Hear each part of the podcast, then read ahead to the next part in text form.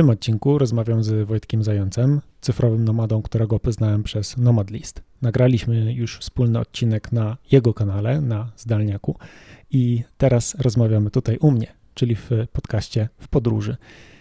Jedna istotna uwaga, gdy rozmawiamy na tematy związane z rezydencją podatkową, z tym, gdzie zakładać firmę i z tym, gdzie lepiej to robić, to e, miej na uwadze, że są to i wyłącznie nasze doświadczenia. Nie jesteśmy tutaj żadnymi e, doradcami podatkowymi ani finansowymi, zatem e, zrób własny research i podejmij decyzję, która jest dla Ciebie najlepsza.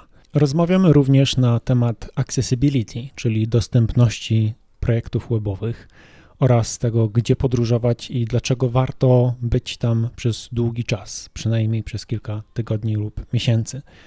Opowiadamy o tym, jak Wojtek zaczynał swoją przygodę i jak rozwija swoją firmę, swoją działalność, oraz na temat książek, aplikacji, serwisów, które pomagają Wojtkowi być bardziej efektywnym w swojej pracy, no i lepiej komunikować się z ludźmi. Bogate notatki oraz wszystkie książki, aplikacje, serwisy, o których rozmawiamy, znajdziesz na nerdontour.net przez zając bez polskich liter, czyli zajac. To jest nerdontour.net przez zajac. Zapraszam serdecznie do wysłuchania naszej rozmowy. Witaj serdecznie, to jest podcast w podróży. I dzisiaj rozmawiam z Wojtkiem Zającem, który przemierza świat, pracuje zdalnie i prowadzi podcasta, który nazywa się Na Zdalniaku. Zatem wejdźmy w szczegóły, jak wygląda jego świat. Witaj Wojtku. Cześć Piotrek, witam. Jak się masz dzisiaj? Bardzo dobrze, dzięki. Cieszę się, że mogę być na Twoim podcaście. Dzięki również. I e, skąd się dzisiaj łączymy? Gdzie jesteś obecnie fizycznie? Ja wróciłem na świeżo z Meksyku. Tam byłem trzy miesiące. Akurat e, byliśmy w kilku miejscach. E, na początku byliśmy w Playa del Carmen, tam jest bardzo fajna społeczność, mhm. a potem przenieśliśmy się do Baja California Sur, do La Paz. Natomiast teraz jestem do końca września w Krakowie, a końcem września wracam do Portugalii. Bukowaliśmy właśnie y, nocleg y, na razie w Lizbonie, a potem mamy plan, żeby się przenieść na zimę do, na Maderę. Super, super. No to, to jest idealny wstęp właśnie do grafiku. Czy masz jakiś właśnie plan ramowy, którego się trzymasz, jeśli chodzi o planowanie e, swojej pracy i podróży? Wiesz co, jeśli chodzi o mój plan dnia, to on jest mocno uzależniony od tego, nad jakim projektem akurat pracuję. Tak naprawdę na przestrzeni lat byłem, jakby miałem różne obowiązki, pracowałem zarówno, zacznijmy od tego, że jestem programistą, tak jakby jako taki trzon mój główny mhm, pracy. Miałem, miałem, miałem po prostu naj, największe miałem szczęście, kiedy e, pracowałem w projektach asynchronicznych e, przez kilka lat. Akurat mieliśmy taki zespół, rozwijaliśmy aplikacje, gdzie mhm. mieliśmy, mieliśmy w zespole 5-6 e, osób i wszystkie były całkowicie rozproszone, akurat wszystkie sporo podróżowały. Super. I i naprawdę pracowaliśmy niezależnie od siebie, mieliśmy różne kompetencje, więc y, nie, nie musieliśmy tak blisko współpracować ze sobą i to pozwalało na to, że naprawdę mogliśmy swobodnie, swobodnie rozporządzać na, naszym czasem w ciągu dnia. Y, jak robiliśmy jakieś szkoły, no to może raz, dwa razy w tygodniu, ale większość czasu to była komunikacja tekstowa. I myślę, że taki rodzaj współpracy jest naprawdę najlepszy, idealny, bo nie trzeba martwić się strefami czasowymi. Tak, tak, zdecydowanie. Chciałem właśnie bardziej jakby wejść w głąb w takim razie tych ilości godzin. Czy w tym projekcie asynchronicznym mm, mieliście ustalone jakieś minimum, które musicie przepracować w tygodniu, czy bardziej było na zasadzie zadań, że trzeba było je wykonać i czasu nikt nie liczył? Na całe szczęście nigdy w życiu nie musiałem rozliczać się z moich godzin, to znaczy często robiliśmy tego rodzaju kalkulacje, ale to było tylko i wyłącznie dla takiej lepszej naszej własnej świadomości, mhm. co zajmuje najwięcej czasu i tak dalej. Natomiast e, ja myślę, że kiedy zatrudniasz powiedzmy programistów senior, no to to jest trochę to, to jest jakby kwestia zaufania. To jest jakby widać, że nie masz zaufania, kiedy rozliczasz z czasu. Ja myślę, że po prostu dużo mhm. lepsze podejście jest, kiedy rozliczasz rzeczywiście z efektu wykonanej pracy. Więc u nas w zespołach po prostu naturalne było to, że czasami, czasami pracowaliśmy dużo krócej, po prostu jak e, po prostu zrobiliśmy jakąś rzecz, ale bywały czasy, kiedy było coś do zrobienia.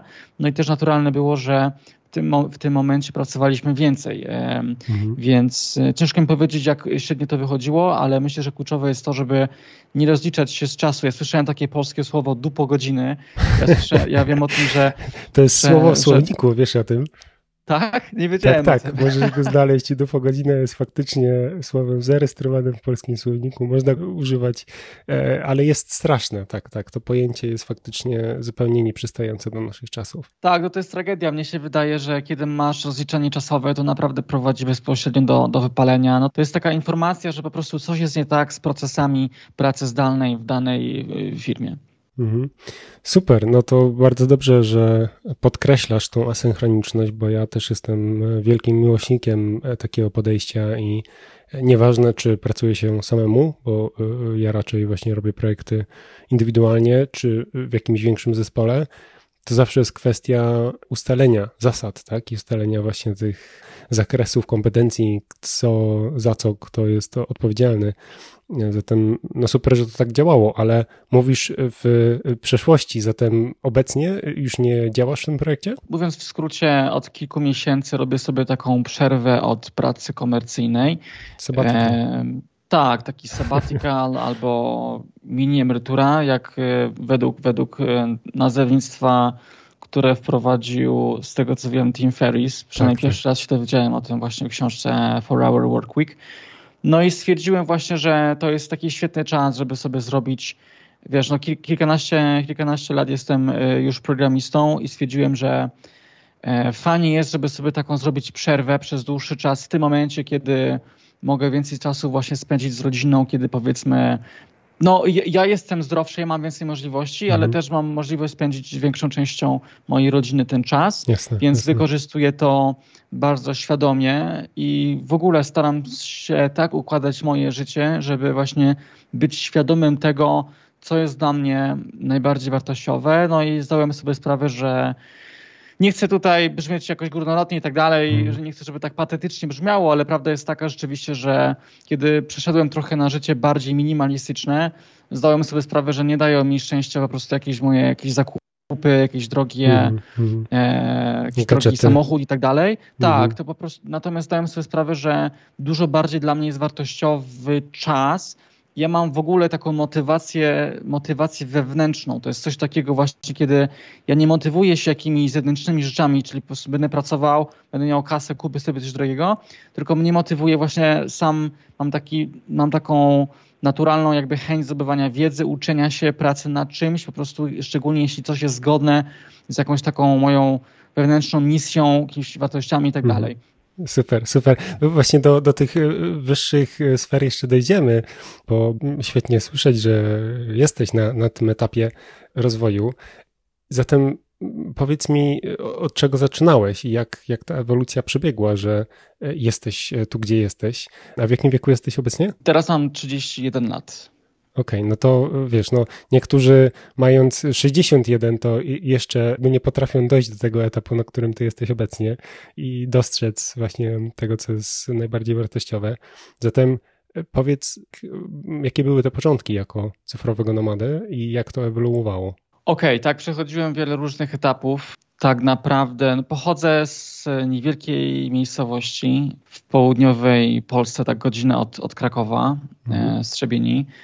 I, e, I tam zaczynałem e, pracę jako freelancer, czyli w szkole po prostu zacząłem szukać już jakichś pojedynczych zleceń, e, czy to, jak, czy to po prostu po znajomości, czy przez internet na jakichś portalach dla freelancerów. To były lata mniej więcej 2004, 5, 6, mhm.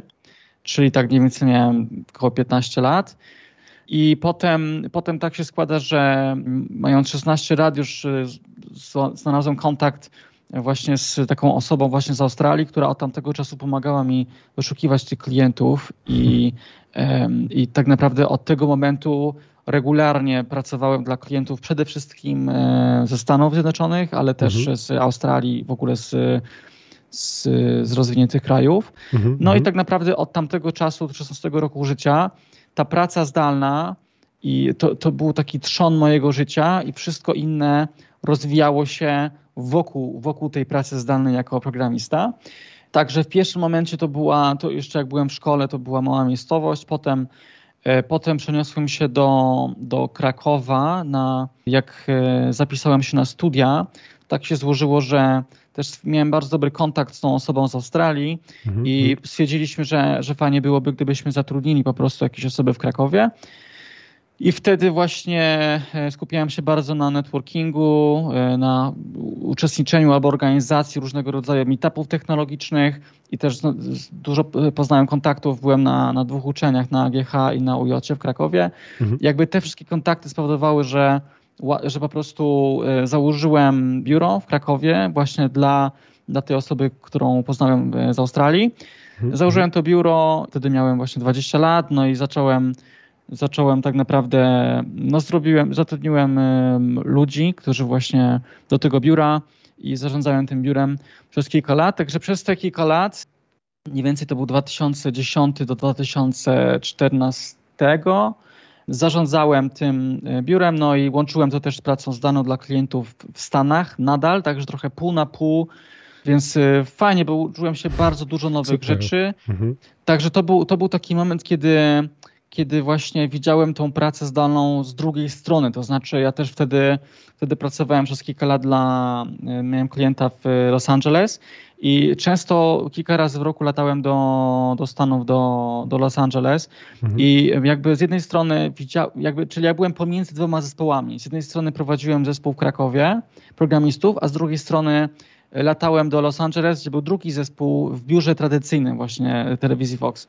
Wtedy zdałem sobie sprawę, jak dużo jest, jak dużo nieporozumień, problemów komunikacji mm -hmm. stworzy się właśnie przez to, że jest ta praca zdalna. Jakby miałem możliwość, y, miałem możliwość próby rozwiązywania tych problemów i jakby poprawy komunikacji. Widziałem, że tak naprawdę jak bardzo różny jest jakby, pojmo, jakby wizerunek tych programistów z perspektywy klienta w Stanach. Nie? Wtedy mhm. właśnie zrozumiałem, jak ważna jest na przykład transparentność komunikacji e, i, e, i po prostu pisanie o, o jakichś takich postępach pracy, jak ważny jest sam język. Wiadomo, że w języku polskim, w kulturze jak i w języku angielskim trochę inaczej jakby mm, oceniamy różne rzeczy i trochę mamy inny ten język, to znaczy po, po polsku jesteśmy dużo bardziej bezpośredni niż po angielsku, więc mhm. trzeba jakby też y, porozmawiać z, z, mm, z tymi ludźmi, żeby trochę jakby nabrali takiego właśnie języka, który nadaje się lepiej do, do współpracy właśnie z klientami, Używa, żeby właśnie używać na przykład czasami częściej y, emotikony, które pozwalają na to, żeby właśnie łatwiej przekazać jakieś emocje, no, tak, no bo bez tak, tych tak. emotek to czasami to prowadzi do, wiele, do wielu nieporozumień, kiedy widzimy jakieś zdanie w tekście z kropką, ktoś myśli, że powiedzmy e, intencja jest jakaś negatywna, a bardzo mhm, często tak nie jest. Także ja wtedy zrozumiałem, wtedy jakby zauważyłem tak, ten cały potencjał właśnie i te, te, ta cała tą, tą ilość problemów, które są związane z pracą zdalną i jak można je naprawić. Także to też był e, taki moment e, dla mnie rozwoju. E, no i tak naprawdę to był początek, początek mojej przygody właśnie z byciem digital nomadem, bo wprawdzie początkowo to były wyjazdy po prostu do, dla, do klientów na spotkania. Ja po prostu łączyłem je po prostu z jakimiś powiedzmy załóżmy czasem wolnym, że robiłem sobie tripy po różnych miejscach, też często jakieś, jakieś konferencje. Także to był pierwszy etap. Potem zaczęliśmy z racji na to, że że nasz zespół się rozrastał i dużo osób pracowało zdalnie, to potem coraz częściej organizowaliśmy wyjazdy po prostu wspólne, wynajmowaliśmy sobie jakieś domki w różnych krajach wspólnie i po prostu tam Super. E, przez, mhm. kilka, przez kilka tygodni E, mieszkaliśmy razem, tak. Nawet wiesz co, integracja to jedno na pewno, ale po prostu mieszkaliśmy przez kilka tygodni, przez przedłużony czas, powiedzmy przez miesiąc, półtora miesiąca w takim mhm. domku i pracowaliśmy wspólnie zdalnie. No i tak naturalnie jakby oswoiłem się z, z, tym, z, tym, z tym jakby wtapianiem się w inne kultury To mi się spodobało, stwierdziłem, że to jest sposób właśnie na niesamowity rozwój, jako bodziec właśnie do nauki nowych rzeczy. No i potem coraz częściej zaczynałem, zacząłem e, podróżować e, już samodzielnie, jakby bez, mm, bez konkretnego jakby celu w postaci spotkania kogoś, tylko po prostu z mhm. chęci po prostu zobaczenia nowych miejsc. Super. Wiesz co, wrócę jeszcze do tego początku, bo trochę to brzmi jak no, taka mało prawdopodobna historia, że poznajesz kogoś przez internet, e, który jest na bardzo dalekim kontynencie, nagle się okazuje, że jest to e, jakiś, no bardzo dobra współpraca się z tego rozwija. Czy możesz powiedzieć coś więcej? Czy to był członek rodziny? Czy, czy znałeś tę osobę jakoś właśnie bardziej, albo byłeś przekonany, że, że to, to zadziała? Albo czy to było jakieś nie wiem, forum online, gdzie faktycznie mogłeś zobaczyć, poznać tę osobę bardziej? Nie, wiesz co, to był taki wspólny znajomy. Pamiętam, że poznałem osobę w, w Polsce, na jakimś, był jakiś konkurs programistyczny i tam y, w jakimś finale poznałem właśnie osobę, która Warszawy, która właśnie zna, osobi- zna nie osobiście, tylko też przez internet, przez, przez projekty, przez zlecenia, przez jakieś mhm. E, zlecenia freelance zna tą osobę i skontaktowała mnie z tą osobą. I od tamtego czasu mieliśmy w pełni tylko kontakt online. Mhm. Natomiast ta współpraca po prostu układała się na tyle dobrze, że to zaufanie rosło i dlatego powierzył mi e, taką właśnie takie zadanie. Super, super. Rozumiem, że tamta działalność, to, to biuro w Krakowie już nie działa, ten etap jest zamknięty. Nie, wiesz co, to znaczy nadal, nadal biuro istnieje, natomiast ja mniej więcej w 2014-2015 roku trochę odszedłem e, w cień. W tym momencie nadal, nadal pomagam tej, tej firmie, natomiast raczej jako taki właśnie doradca, advisor. Nie, nie mam już mhm. takich obowiązków e, codziennych. Powiedz mi zatem, czy w tej pracy, w momencie, kiedy no, musiałeś e, szybko stworzyć ten zespół i, i, mieć te dobre relacje, tą dobrą komunikację zdalną z klientami z Ameryki, z Australii, czy czytałeś jakieś e, książki albo właśnie porady?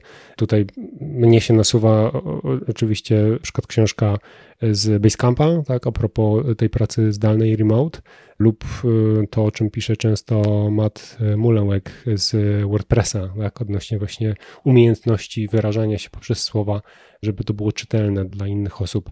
Zatem korzystałeś z jakichś źródeł? To jest y, dobre pytanie. Wiesz co, dla mnie y, dla, na, na, książka, która jakby najbardziej mi pomogła, którą też często polecam, to jest Non-Violent Communication. To jest hmm. książka, która właśnie traktuje o takich najczęstszych powodach, kiedy są nieporozumienia i jest, powstaje konflikt, a bardzo często powodem tych konfliktów to, to jest po prostu tylko niefortunne użycie poszczególnych wyrazów, które mogą mhm. e, być traktowane jako taki bodziec właśnie konfliktu. Kiedy ktoś właśnie mówi, załóżmy masz, masz jakąś komunikację, to, to można przy okazji zaaplikować naprawdę do wszystkich stref życia. To mm -hmm. chodzi o, wiesz, no tak, kontekst tak, profesjonalny. O, o pracy asynchronicznej, tak. tylko o, o w ogóle komunikacji z ludźmi. Tak Dokładnie tak, więc, mhm. więc po prostu ktoś mówi na przykład, że zawsze coś robisz albo nigdy nic nie robisz, mhm, na przykład tak. zawsze się spóźniasz, no to ktoś od razu, wiesz, jest wzburzony, a, a często intencja jest zupełnie inna. Więc warto na pewno, na przykład tak mówi żona do męża, a po prostu chce wyrazić, że tęskni, po, po, potrzebuje bliskości, mhm. a, a, to jest efekt odwrotny, nie? Więc polecam bardzo tę książkę. Drugie źródło, które bardzo dużo mi pomogło w przeszłości, to jest blog e, Alexba, który e, Aleks Barczewski, mam nadzieję, że nazwisko nie przekręciłem. Mhm. I to jest blog, na którym po prostu jest ogromna ilość treści darmowych. To jest taki konsultant, trener właśnie komunikacji, negocjacji biznesowy mhm. i w, w, ogóle umiejętności interpersonalnych. Pamiętam, że po prostu ogromną ilość wiedzy i inspiracji zaczerpnąłem z tego bloga, Alex y, potem napisał właśnie książkę na ten temat, y, który nazywa się chyba Sukces w relacjach międzyludzkich i z tego co wiem teraz w ogóle robi drugie wydanie. Mhm. Także bardzo też gorąco zachęcam, podlinkujemy do tego bloga i do tej książki. Tak, tak, jak najbardziej. Okej, okay, czyli takie dwie książki przede wszystkim o, o relacjach z ludźmi, które na pewno mnóstwo dały. Jak rozumiem, pozostałe te pomniejsze rzeczy, tak? Czyli z jakich narzędzi korzystać, z jakich wiem, platform właśnie komunikacji, czatów, slacków i tym podobnych, to to było łatwiejsze, tak? Dla ciebie do, Wiesz do co? stworzenia. Tak naprawdę ja bardzo często też wychodzę z założenia, że E, że tak naprawdę jest, ja lubię czytać też na przykład klasyczne bardzo książki, bo jeśli książka mhm. jest nadal polecana i jest tak naprawdę stworzona dawno temu, to znaczy, że jest bardzo, bardzo ważna, bardzo dobra. Tak, też inną książką, tak, i też inna książka, która, która też jakby bardzo dużo mi dała, to, to po prostu jest klasyk e, Dale Carnegie, How to Win Friends and Influence People. Oj, tak. I tam są takie zasady uniwersalne, które można naprawdę zaaplikować też do komunikacji e, online, tekstowej. Także też, też ją mogę e, polecić. Dobrze, to wróćmy do samego przemieszczania się i do odkrywania różnych lądów. Myślę, że najłatwiejszym sposobem e, zobaczenia, co już e, odkryłeś, jest przekierowanie na Nomad List, czyli na tą społeczność, gdzie każdy członek może pokazać, tak, gdzie był, w jakim okresie, to ładnie jest tam e, przedstawione, tak, na mapie świata e, te wszystkie połączenia i też e, patrzyłem, że faktycznie dużo kontynentów już masz odhaczonych i lecisz dalej za niedługo. Czy jest jakiś wspólny mianownik tych wszystkich miejsc, do których docierasz? Tak, staram się pamiętać, żeby większość, większość tripów tam wrzucać, chociaż trochę mi też tam brakuje tak naprawdę nie tylko nie ma wspólnego mianownika, ale wydaje mi się, że właśnie ta różnorodność miejsc, do których, do których podróżujemy, to jest największa wartość tych podróży. I mam na myśli to, że jakby tak naprawdę możemy testować siebie w różnych okolicznościach, w różnych kontekstach i myślę, że w tym momencie, kiedy się tak testujemy, najwięcej uczymy się o, o sobie. Mhm. Także nie mam, nie mam żadnego klucza starałem się właśnie mieszkać w totalnie różnych miejscach, zarówno w najdroższych, najdroższych miastach typu Hongkong, właśnie Los Angeles, y, jakieś stolice y, bardzo duże, mhm. jak, i, jak i spędziłem też y, dłuższy czas w jakichś takich bardzo biednych miejscach typu, e, typu miesiąc w Kenii i, i, i wschód Europy i, i, jakieś biedniejsze kraje w Azji typu Birma i tak dalej. Także mhm. staram się jakby staram się wypychać, żeby była ta, ta, ta różnorodność, to mi bardzo, bardzo dużo daje. To, to można też aplikować w różnych sferach życia. Tak samo staram się rozmawiać właśnie z bardzo różnymi od siebie ludźmi. Mam bardzo jakby też różną siatkę, siatkę połączeń. Bardzo lubię właśnie w nowych miejscach e, robić jakiś small talk z nowymi osobami. Często, często nawet Niekoniecznie z, z dokładnie. To, to najlepiej właśnie tak, dokładnie.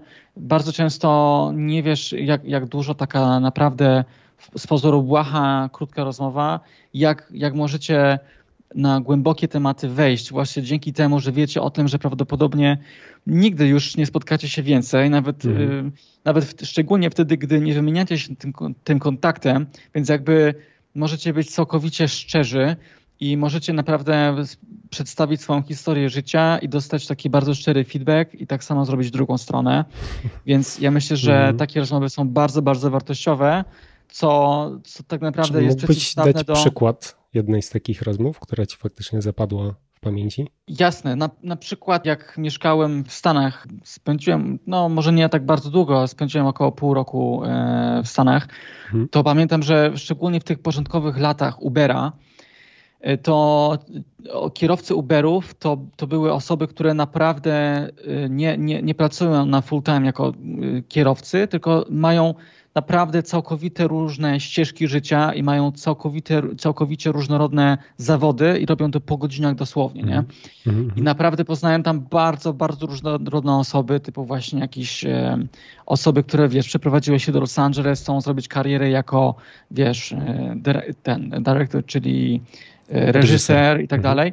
I, i, czy na przykład jakiś, jakiś e, o, ratowników, y, ratowników na plaży. No i właśnie kiedy mamy, jakby zderzamy takie całkowity inny background nasz wzajemnie, to, to, to są naprawdę niesamowite, niesamowite rozmowy, nie? Ktoś, mhm. ktoś po prostu, ja mogę powiedzieć, że stoję przed jakimś wyborem, że kurczę, tak naprawdę zastanawiam się, wiesz, co, co powinno być moim, jak, jakie są moje cele, y, na, jakie mam dylematy w życiu i ktoś może mi dać jakiś szczery feedback, nie? Także. Mm. Tak, tak. Ja też mam takie momenty i Jestem bardzo wdzięczny za e, los, tak, czy inne jakieś e, machinacje wszechświata, że akurat miałem okazję, e, pamiętam taką sytuację w Malezji, w Georgetown, czyli takie małe miasteczko na wyspie Penang, gdzie udało mi się znaleźć nocleg w bardzo pięknie odnowionym, ślicznie przygotowanym takim, no, można powiedzieć hostelu, ale to jest bardziej tradycyjny dom, tak jak kiedyś tam ludzie mieszkali, z jednym właścicielem, który sam jakby to wszystko robi. E, miał to niesamowity swój klimat, gdzie faktycznie na skrzypi podłoga, wszystko jest drewniane, plus jakieś zdjęcia w ogóle rodziny, która tam mieszkała 100 lat temu. No i on był bardzo właśnie otwarty przez to, że zależało mu na tym miejscu, zależało mu na gościach. E, miał do tego właściwe podejście, że dbał jak, jak e, tylko mógł, żeby ludzie do niego wracali i nie traktował tego bardzo właśnie komercyjnie, tak? z każdym pędzał trochę czasu. Pamiętam, że to, to było takie odświeżające, no szczególnie w, w takim miejscu jak ten Georgetown, który jest e, bardzo komercyjny, jeśli chodzi o e, taki właśnie e, rys, gdzie, gdzie większość turystów, szczególnie z Chin, przyjeżdża, żeby poimprezować, wydać kasę i, i wrócić. Tak więc mm -hmm takich sytuacji faktycznie e, może być sporo, jeśli pozwolimy, że one się e, zjawiły. To też Dokładnie. myślę jest powiązane mm, z czasem, który się spędza, tak? Bo jeśli ktoś wyjeżdża tylko na tydzień, e, na szybko na wakacje, a potem musi wracać do swoich gdzieś tam obowiązków, to, to nie ma tak? tego momentu, kiedy coś takiego może nastąpić. Czy ty masz tutaj właśnie jakieś minimum, które sobie teraz już zakładasz, kiedy masz więcej tej wolności, że jak jedziesz teraz w nowe miejsce, to, to chcesz faktycznie być tam te minimum trzy miesiące, żeby, żeby mieć więcej takich interakcji? Jeszcze nawiązując do poprzedniego tematu, y, mhm. chciałem dać właśnie przykład na to, że y, być może wtedy, być może właśnie te rozmowy też trochę zainspirowały mnie do, do minimalizmu, bo spotkałem wiele osób teraz, jak myślę, które na przykład y, właśnie zdecydowały się samodzielnie, żeby właśnie prowadzić taki dużo prostszy tryb życia. Pamiętam, że kiedyś właśnie w, w biurze na przykład pracowała z nami taka, tak, taki e, starszy gość, taka złota rączka, który robił takie drobne naprawdę naprawy, więc to jest osoba, która tam była zawsze tam w, Stanach, w pobliżu, tak? ale nie, akurat to było w Krakowie tutaj e, w biurze. I to była osoba, która rzeczywiście no, nie, raczej, raczej nie zwraca się uwagi specjalnie. To są takie osoby, które zwykle są właśnie w, w pobliżu i prosimy właśnie takie o, o naprawy. No i po prostu pe, pewnego wieczoru tam byliśmy dwójkę on, y, dłużej właśnie w biurze pracowaliśmy obydwoje, coś tam naprawiał ten gość. No i właśnie zagadałem do niego, żeby właśnie trochę, trochę pogadać, trochę go poznać. Jakiś taki mhm. small talk. Okazało się, że mieszkał w ogóle około 10 lat w Stanach, prowadził w ogóle jakiś sklep, sklep z częściami komputerowymi, prowadził potem jakąś firmę w ogóle, mhm. jakąś związaną właśnie z informatyką.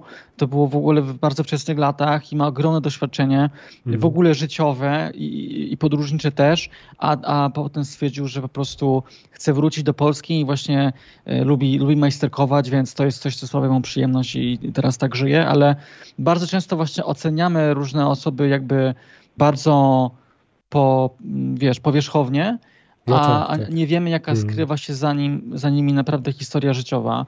Tak samo mogę to powiedzieć w drugą stronę, tak samo spotkałem się właśnie często w takich drogich krajach z taką bardzo taką powierzchownością, właśnie z, taki, z, taki, z, takimi płytkimi kontaktami, z taką sztucznością, więc, y, więc warto jest tak trochę bardziej podrążyć, jakie jest drugie dno e, zarówno e, osób, które tam żyją i właśnie która historia jest związana i z miejscami, i z osobami.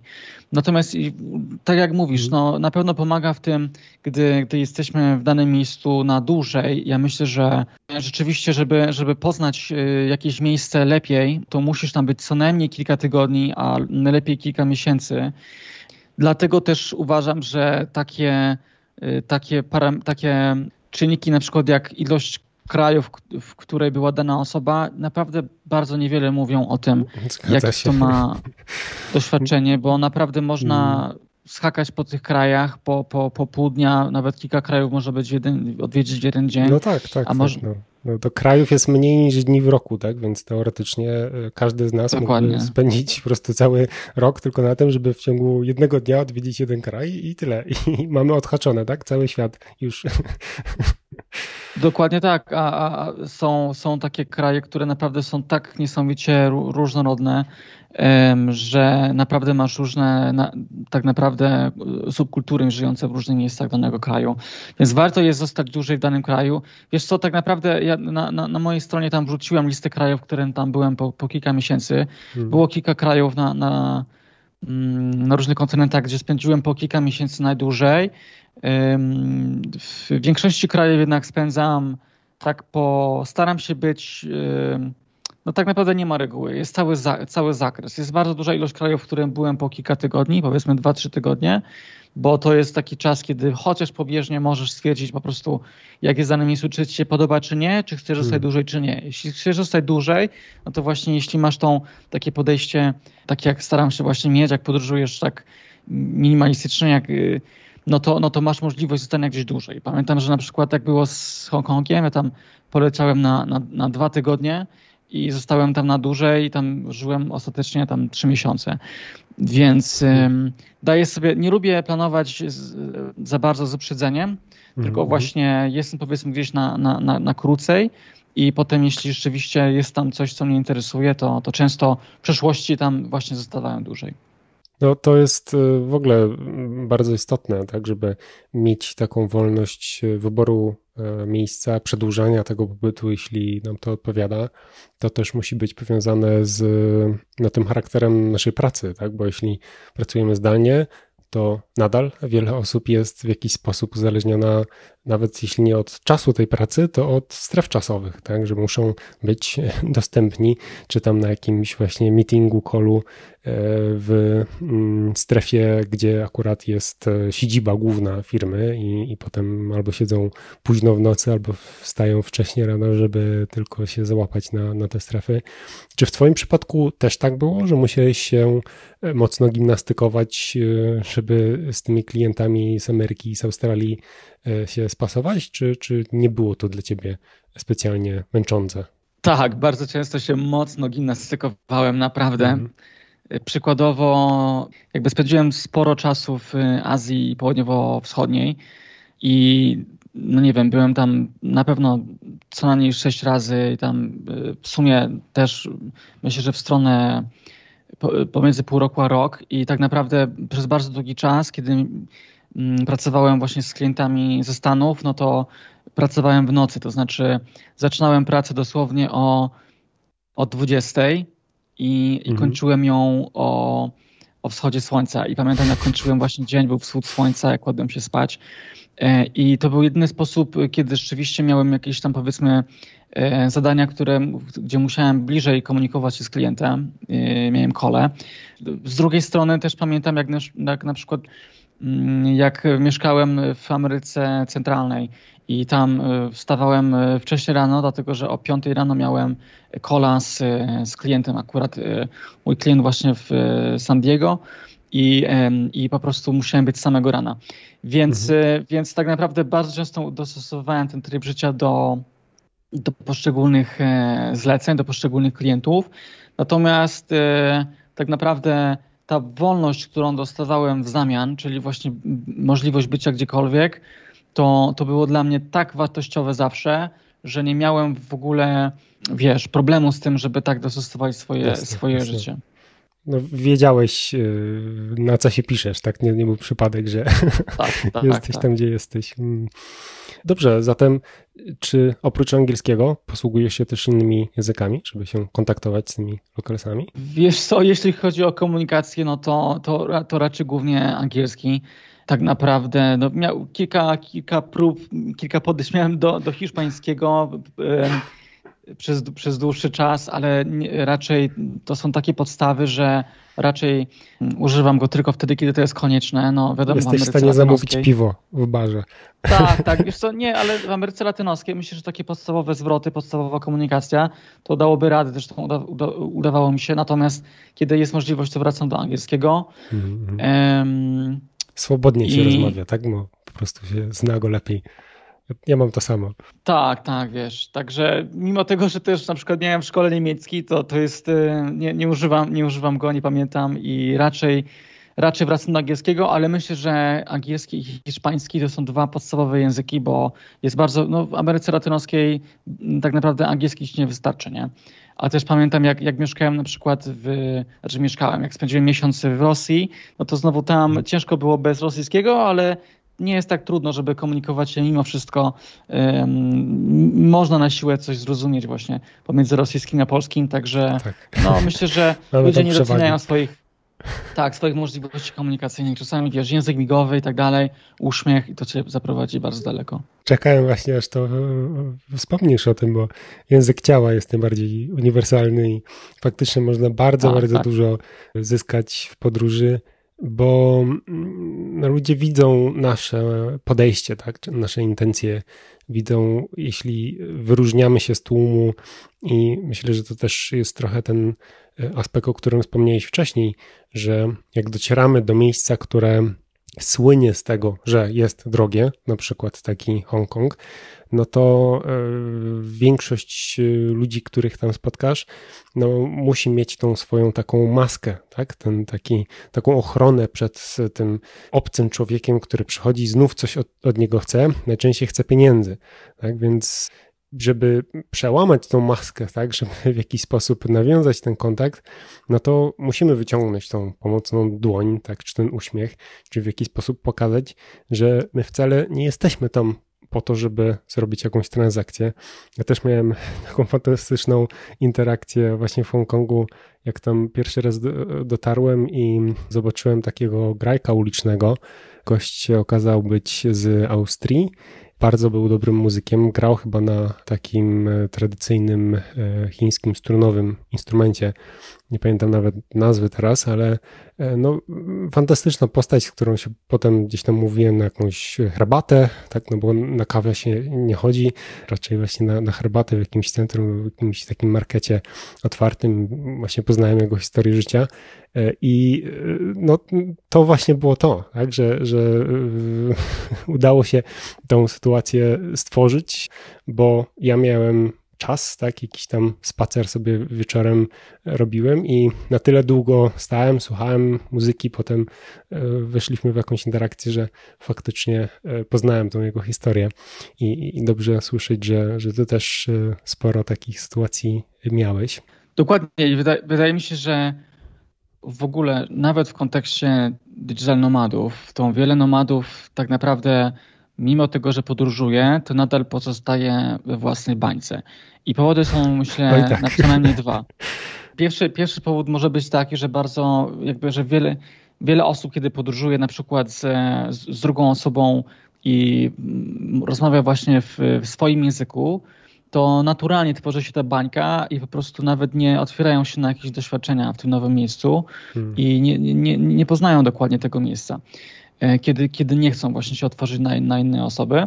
A drugi powód jest taki, że tak naprawdę przez to, że coraz więcej tych aplikacji i serwisów działa na całym świecie, to nie, musi, nie musimy w ogóle się starać. Wszędzie mamy ten, ten Uber, Uber Eats, i tak, Airbnb tak, tak, no. i Dążymy Tinder. do unifikacji, tak naprawdę, dokładnie. Tak, i tak naprawdę wszędzie można korzystać z tych samych aplikacji i nie, nie, nie poznawać e, nowych rzeczy, nie? Ale myślę, że właśnie kiedy jesteśmy w nowym miejscu, to pokazanie właśnie, że, ma, że wiesz, robisz jakiś wysiłek, żeby trochę się dostosować do, do nowego miejsca, nawet poznanie tych podstawowych y, słów.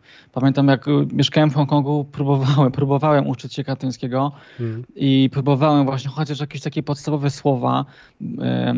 Tak, tak naprawdę był taki czas, kiedy ja tam starałem się bardzo wpisywać w to otoczenie Byłem też tam e, właśnie w związku na miejscu i też chodziłem do miejsc, które są przeznaczone naprawdę tylko dla lokalców i nikt w takich miejscach, gdzie nikt nie mówi w ogóle po angielsku, mm -hmm. no to starałem się właśnie albo to chociaż trochę zrozumieć, albo coś jakieś podstawowe co opowiedzieć. Ja myślę, że to jest bardzo no takie miłe na pewno dla, nowych, dla, dla lokalców, pokazuje, że robisz jakiś wysiłek, no nie? Porównanie na przykład do Bali, do, do Canggu, gdzie, gdzie tak naprawdę przyjeżdża wiele turystów czy nomadów, którzy w ogóle tego wysiłku nie robią, w ogóle się nie starają, żeby mało tego, w ogóle nie mają respektu dla, dla lokalnych tradycji, dla lokalnej kultury, religii i wiesz, robią sobie jakieś półnagie zdjęcia przed y, świątyniami hinduistycznymi. Także to jest mhm. totalna abstrakcja dla mnie.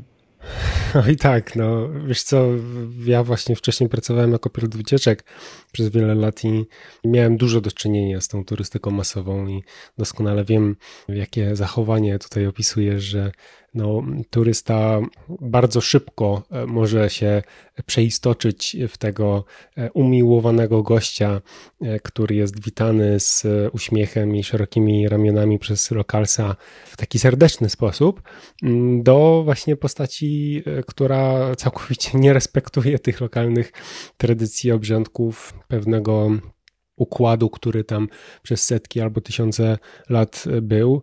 I no, wychodzi po prostu z takiej pozycji uprzywilejowanej, tak, że a, bo ja mam pieniądze, a, bo ja tutaj przyjechałem, a, bo jestem taki ważny, no to teraz wszyscy mi się kłaniajcie e, i do stóp padajcie, bo no bo ja tu rządzę, tak, i, to jest bardzo, myślę, złe podejście. E, ja też, e, jak tylko mogę, no, staram się przed wyjazdem do, do, do wolnego miejsca poświęcić trochę uwagi w ogóle, gdzie jadę, tak, żeby zrozumieć jakikolwiek rys historyczny, dlaczego to wygląda tak, jak wygląda, dlaczego e, ta, ta struktura społeczna jest taka, a nie inna, w jaki sposób no, nie obrazić tak, najprostsze jakieś rzeczy, jak na przykład w Malezji, w której też sporo czasu spędziłem, e, jedzenie lewą ręką jest niewyobrażalne dla lokalców, no bo lewa ręka jest po prostu brudna, tak? Ona jest kulturowo brudna, nawet jeśli mhm. ją myjesz jeszcze przed pandemią, praktycznie w każdej restauracji jest taka umywalka e, dostępna, gdzie po prostu teren trzeba umyć, no bo e, przed jedzeniem mm, to jest najważniejsze, co e, każdy ma zrobić dla własnego i cudzego bezpieczeństwa i zdrowia. No i lewa ręka po prostu służy do czegoś innego niż do jedzenia. E, no i wiadomo, tak, my jako ten turysta, to pewne rzeczy mogą nam uknąć i po prostu nikt nie zwróci na to uwagi. E, no ale czasami, jeśli to szczególnie zrobione z premedytacją, no to jest to po prostu obrazoburcze tak? I, i, pokazuje, że nie mamy żadnego respektu do ludzi, e, których odwiedzamy. Jak to wygląda u ciebie? Czy, czy ty spędzasz trochę czasu właśnie, żeby się dowiedzieć o tych e, kulturach czegoś, czy, czy tak na głęboką wodę wskakujesz i potem na miejscu szybko się uczysz? Tak, staram się, staram się poznać jakieś e, specyficzne zwyczaje. Tak naprawdę, tak jak mówisz, w niektórych miejscach w niektórych miejscach ta kultura jest tak, jest tak inna. Ja pamiętam, pamiętam, że na przykład w Japonii byłem bardzo często w takim szoku, jakie są, są zwyczaje, jak o wielu rzeczach trzeba pamiętać, żeby nie urazić innych osób. Wiesz, niektóre rzeczy hmm. są takie dosyć szokujące, na przykład to, że mówi się, że w tym momencie nie, nie wiem, jak, jak bardzo to jest respektowane w codziennym życiu, Natomiast wiem, że na przykład w Japonii nie, nie wypada w ogóle na przykład kupić e, jakiegoś jedzenia w sklepie i po prostu zjeść go w drodze, idąc gdzieś. Jednak hmm. Japończycy mają ogromny szacunek do, do przedmiotów na przykład, do jedzenia też i jednak jednak po prostu zawsze no, no nie mogą iść po prostu y, jedząc. Mhm. I, i, I, bardzo wiele jest takich właśnie detali, więc na szczęście jest sporo, sporo właśnie źródeł, gdzie możemy dowiedzieć się o takich rzeczach. Wiesz co, tak naprawdę w moich, y, jak, jak podróżowałem, to bardzo lubiłem korzystać ze strony y, Wiki Travel i mm. tam może, może o, o kulturze są tylko podstawowe informacje, natomiast, y, natomiast bardzo dużo informacji jest takich bardzo praktycznych na co dzień, typu też jak na przykład się ustrzegać przed różnego rodzaju skamami, oszustwami, które są mm, specyficzne dla, dla, dla, danych miejsc. Lokalnie naciągacze. Tak, tak, dokładnie. Jeśli chodzi o, o takie rzeczy bardziej kulturowe, no to dużo na pewno wyciągam z osób, które, które poznaję na miejscu albo z którymi się widzę, widzę na miejscu i staram się respektować to, yy, wiesz, tak bardzo jak mogę. Też mhm. zapadło mi w pamięć w ogóle, mówiliśmy o, o Azji, ale yy, na przykład w, w Afryce jest, jest takie zjawisko, to jest, które nazywa się White Savior, to jest taki kompleks, hmm. który polega na tym, że wiele osób wykorzystuje Afrykę jako tak naprawdę jako tak naprawdę mm, sprawienie przyjemności sobie i albo korzyści dla, dla siebie, żeby tam pojechać i pomagać. Nie? I to widać w social media, gdzie po prostu, po prostu nawet w Polsce byli influencerzy, którzy wiesz, wybierali się gdzieś do Afryki na, na tydzień, robili sobie milion zdjęć, wiesz, sami byli ubrani w jakieś, wiesz, designerskie, luksusowe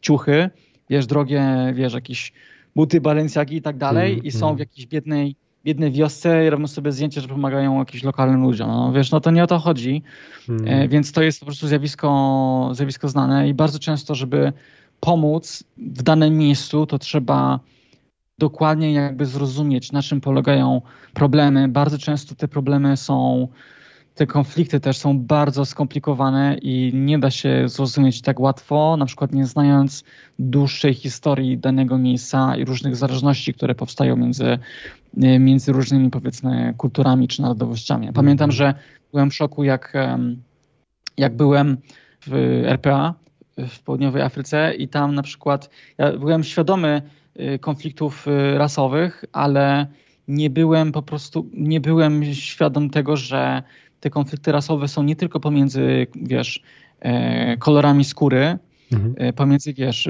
białymi a czarnoskórymi, tylko po prostu ta, w RPA jest e, kilkadziesiąt lokalnych plemion hmm. i każde, każde plemię, naprawdę te plemiona komunikują się w zupełnie różnych językach, mają w ogóle inny, inny, wiesz, inną historię. One są wrogie w ogóle, całkowicie wrogie względem siebie.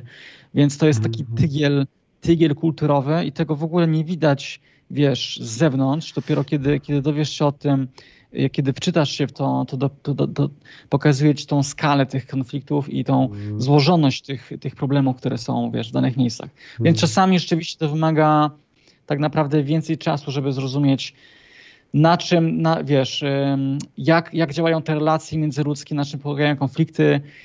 Mam też właśnie no, no, znajomych, mam znajomego, który który na przykład próbował otworzyć biznes w, e, w, w, w Nicaragua, w Ameryce mhm. Centralnej. To jest taki mój przyjaciel e, z, z Kostaryki i e, powiedział mi, że, że właśnie sam był zaskoczony, bo, bo właśnie w takich mniej rozwiniętych krajach w ogóle zupełnie inaczej wyglądają relacje międzyludzkie. W ogóle czasami, czasami w ogóle definicja kontraktu, nawet słownego, umówianie mm. się pomiędzy ludźmi wygląda zupełnie inaczej jak w społeczeństwach rozwiniętych. Mm. On mi powiedział, że na przykład tam, jak on, on chciał zrobić jakiś tam, jakoś, e, jakąś taką scenę, było, wiesz, jakieś takie, jakieś takie miejsce do odwiedzenia, e, farmy, jakąś taką samowystarczalną. I po prostu e, zatrudnił jakichś ludzi, żeby po prostu zbudowali mu to. I on powiedział, że ci, że po prostu ludzie, których zatrudnił, totalnie nie rozumieją jakby Y, tego, że mieli, powiedzmy, on zlecił jakimś osobom, żeby pomalowali mu drzwi na kolor czerwony mhm. Y, i potem przyjechał tydzień później, zobaczył, że tak naprawdę gość pomalował mu te drzwi, ale na kolor powiedzmy zielony, bo on po prostu nie rozumiał, że to ma znaczenie, jaki jest kolor, no nie? Albo na przykład, y, no tak. albo na przykład oni pracują, nie da się w ogóle umówić z kimś, że ktoś będzie przychodził tydzień do pracy, dlatego mhm. że ktoś będzie przychodził do pracy powiedzmy przez y, trzy dni, jak, a jak dostanie wynagrodzenie, to totalnie w ogóle przestanie się odzywać i po prostu skupia się na tym, żeby wydać to, te pieniądze, które dostał. Dopiero jak mhm. skończy mu się, pieniądze, skończy mu się pieniądze na jedzenie, to mm. wróci, żeby pracować, nie? Więc jakby to jakby dlatego ciężko jest o, o, bardzo często o rozwój takich krajów. Wiesz, są inne kraje, na przykład y, jak Kambodża,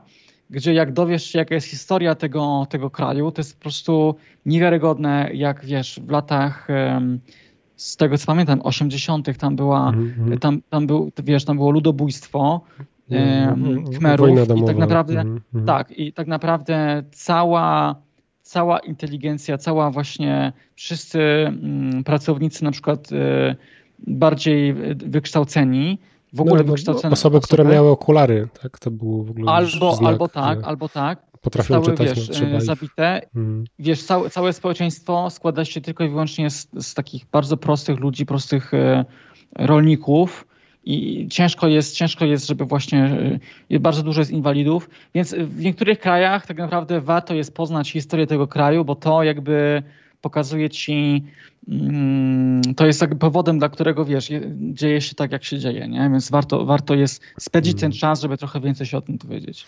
No, no, właśnie myślę, że tutaj też jest istotne e, podkreślić temat, e, który o którym mówiliśmy w e, podcaście e, Twoim, tak, który nagrywaliśmy niedawno, e, czyli w ogóle podejścia do krajów narodowych, tego, że no, jesteśmy przyzwyczajeni do tego, że jest wytyczona granica, tak, jest namalowana jakaś kreska na mapie, która oznacza, że tu się zaczyna, a tu się kończy dane państwo i e, przez większość historii e, to nie miało miejsca. Tak? E, myślę, że łatwiej jest pewne rzeczy opisywać i rozumieć poprzez regiony, poprzez to, że w danym miejscu jest po prostu skupisko, tak jak wspomniałeś, te plemiona w Afryce Południowej, no to to jest coś, co występuje wielu innych miejscach na świecie, tak? I wiele innych narodowości, takich etnicznych dalej wal, walczy o to, żeby mieć ten właśnie swój kraj wytyczony na mapie i żeby mogli sobie e, samostanowić. Zatem no faktycznie, bez znaczenia gdzie się udajemy, warto, żebyśmy się dowiedzieli przynajmniej tych podstaw, żebyśmy zrozumieli e, po prostu z kim będziemy mieć do czynienia. Czy zatem Masz jakieś e, aplikacje, czy właśnie źródła? Wspomniałeś o tym Wikitravel, ale czy są jeszcze inne rzeczy, bez których nie wyobrażasz sobie e, nomadowania? Tak naprawdę, jeśli chodzi o komunikację, no to bardzo przydają się wszelkiego rodzaju słowniki. Akurat e, super jest to, że w Google Translate teraz jest możliwość nawet prowadzenia takiej konwersacji dwustronnej i i tłumaczenia na bieżąco akurat słów i to całkiem dobrze działa. Ja rzeczywiście korzystałem też na przykład z Duolingo do poznawania nawet takich podstawowych słów do podstawowej komunikacji w różnych językach, także też bardzo, bardzo to fajnie działa i świetne w Duolingo jest ta gamifikacja, to na pewno, na pewno tak. większość z nas, y, większość z Was zna. To jeśli chodzi o komunikację. Jeśli, chodzi, jeśli podróżujemy w grupie, no to no to bardzo przydaje się Splitwise do, do, do dzielenia kosztów. Dzielenie rachunków, tak. Tak, tak. Za tak, obiad. Tak, to jest genialna, mhm. genialna aplikacja. Jeśli chodzi o finanse, no to bardzo lubię korzystać z, z aplikacji XE. To jest, y, to jest taka strona xe.com i oni mają aplikację, gdzie można bardzo łatwo jakby na przykład sprawdzać, kiedy robicie konwersję waluty na inną, na jakąś obcą, no to możecie sprawdzić, ile wynosi taki realny, realna prowizja danego miejsca, mhm. czy w bankomacie, czy w kantorze, mam nadzieję, ja akurat prawie nigdy nie korzystam z kantorów i też od, mhm. odradzam. Tak, tak, ja również. Y, natomiast, bo tam właśnie, no, natomiast możecie właśnie sprawdzić, żeby zdać sobie sprawę, jaka jest czasami, wiesz, 30% to jest taka najmniejsza prowizja w takich kontorach, czy nawet mhm. takich zakupach codziennych, no nie? E, jeśli chodzi o płatności, no to ja, ja, też zrobiłem w ogóle odcinek podcastu na temat finansach podróży tam i w skrócie, w skrócie mówiąc, no y, oprócz tego, że są, wiesz, karty podróżnicze takie właśnie jak na przykład y, Revolut, czy chyba teraz Zen wchodzi, wszedł do Polski, hmm. gdzie nie mamy tych, tych prowizji czy tych spreadów w, konwersjach, no to są też karty kredytowe w, w Polsce, które też nie, nie, nie dają tych opłat. Ja akurat korzystam z takiej karty w City, Citibanku, mhm. ale, ale w innych bankach też są te karty, więc warto tym się zainteresować, bo to jest naprawdę spora, spora oszczędność. Wiele z tych kart dają też dużo innych benefitów, takich jak ubezpieczenia, czy, czy wstęp do jakichś staroników. Dla mnie to jest genialny lifehack. Tak naprawdę, jeśli mhm. podróżujemy częściej, no to, no to tak naprawdę bardzo często możemy mm, zaoszczędzić dużo, bo na, zapłacimy, wiesz, abonament do, do sterowników lotniskowych i nie musimy płacić na przykład za to jedzenie, za to picie na lotnisku, bo wszystko jest e, w sterowniku, a przy okazji będziemy mieli spokój, będziemy mieli Wi-Fi, które działa, ciszę i tak dalej. Także dla mnie to mhm. jest niesamowity lifehack i wszystkim polecam. Mhm. Są karty Mówisz właśnie, o tych gdzie... lounge'ach, tak? O, o tych tak, tak, dokładnie. VIP na tak, tak, tak. Mhm. tak, to, to jest, wiesz, taki no, no-brainer naprawdę. Wiele aplikacji, wiesz, jeśli chodzi o, o, poruszanie się i o jedzenie, no to wiadomo, są aplikacje, które działają w wielu krajach, typu właśnie Uber, Uber Eats i tak dalej. Natomiast wiele z nich są specyficzne dla, dla danych regionów. I tak na przykład w Azji są aplikacje typu właśnie na przykład Gojek w, Gojek, chyba w Indonezji, e, Rapi albo Grab. Więc w zależności od różnych krajów są te aplikacje, gdzie można wszystko załatwić. Nie? Możesz sobie za zamówić, nie wiem, właśnie zakupy, czy nawet gotówkę można zamówić przez y, kurierem, czy rzeczy z apteki, jakieś lekarstwa podstawowe. To wszystko można załatwić przez te aplikacje i po prostu są genialne, genialne, także bardzo polecam. Mhm, mhm. Jeśli chodzi o takie procesy codzienne, no to, no to na przykład y, korzystam też na, na bieżąco na przykład do, do medytacji korzystam z aplikacji Headspace. Do, jeśli, jeśli jestem w podróży, ciężko jest na przykład zapisać się na jakąś siłownię lokalną, więc jak ćwiczę, ćwiczę wiesz, y, w mieszkaniu, no to, mhm. to na przykład często wspomagam się aplikacją Seven. Aplikacja Seven po prostu daje ci, daje ci po prostu listę różnych ćwiczeń, które możesz zrobić samodzielnie, wiesz, kalistenika. Mhm. E, często korzystam też z aplikacji Zero, która liczy mi, która właśnie jest do, do poszczenia, do intermittent fasting mhm. i dzięki temu łatwiej mi jest po prostu liczyć, e, powiedzmy ja najczęściej robię fasting 16 godzin, czyli nic nie jem wtedy i jem potem 8 godzin. Nie, nie cały czas. No stop. dobre, dobre, no to muszę spróbować. Chciałoby się, tak. No więc aplikacja Zero też jest bardzo przydatna. No więc y, natomiast jeszcze jedna aplikacja, którą, którą na pewno mogę polecić, to jest na, jeśli korzystacie z Maca, no to aplikacja Trip Mode, która pozwala wam na to, że jeśli korzystacie z internetu mobilnego, no to ograniczacie dostęp do internetu poszczególnym aplikacjom. Czyli na przykład Spotify nie zacznie wam nagle ściągać playlist, tylko mhm. dacie dostęp do internetu tylko na przykład przeglądarce. Nie? I oprócz tego liczy też internet, który, który zużywacie. Także Trip Mode też bardzo polecam. Mhm.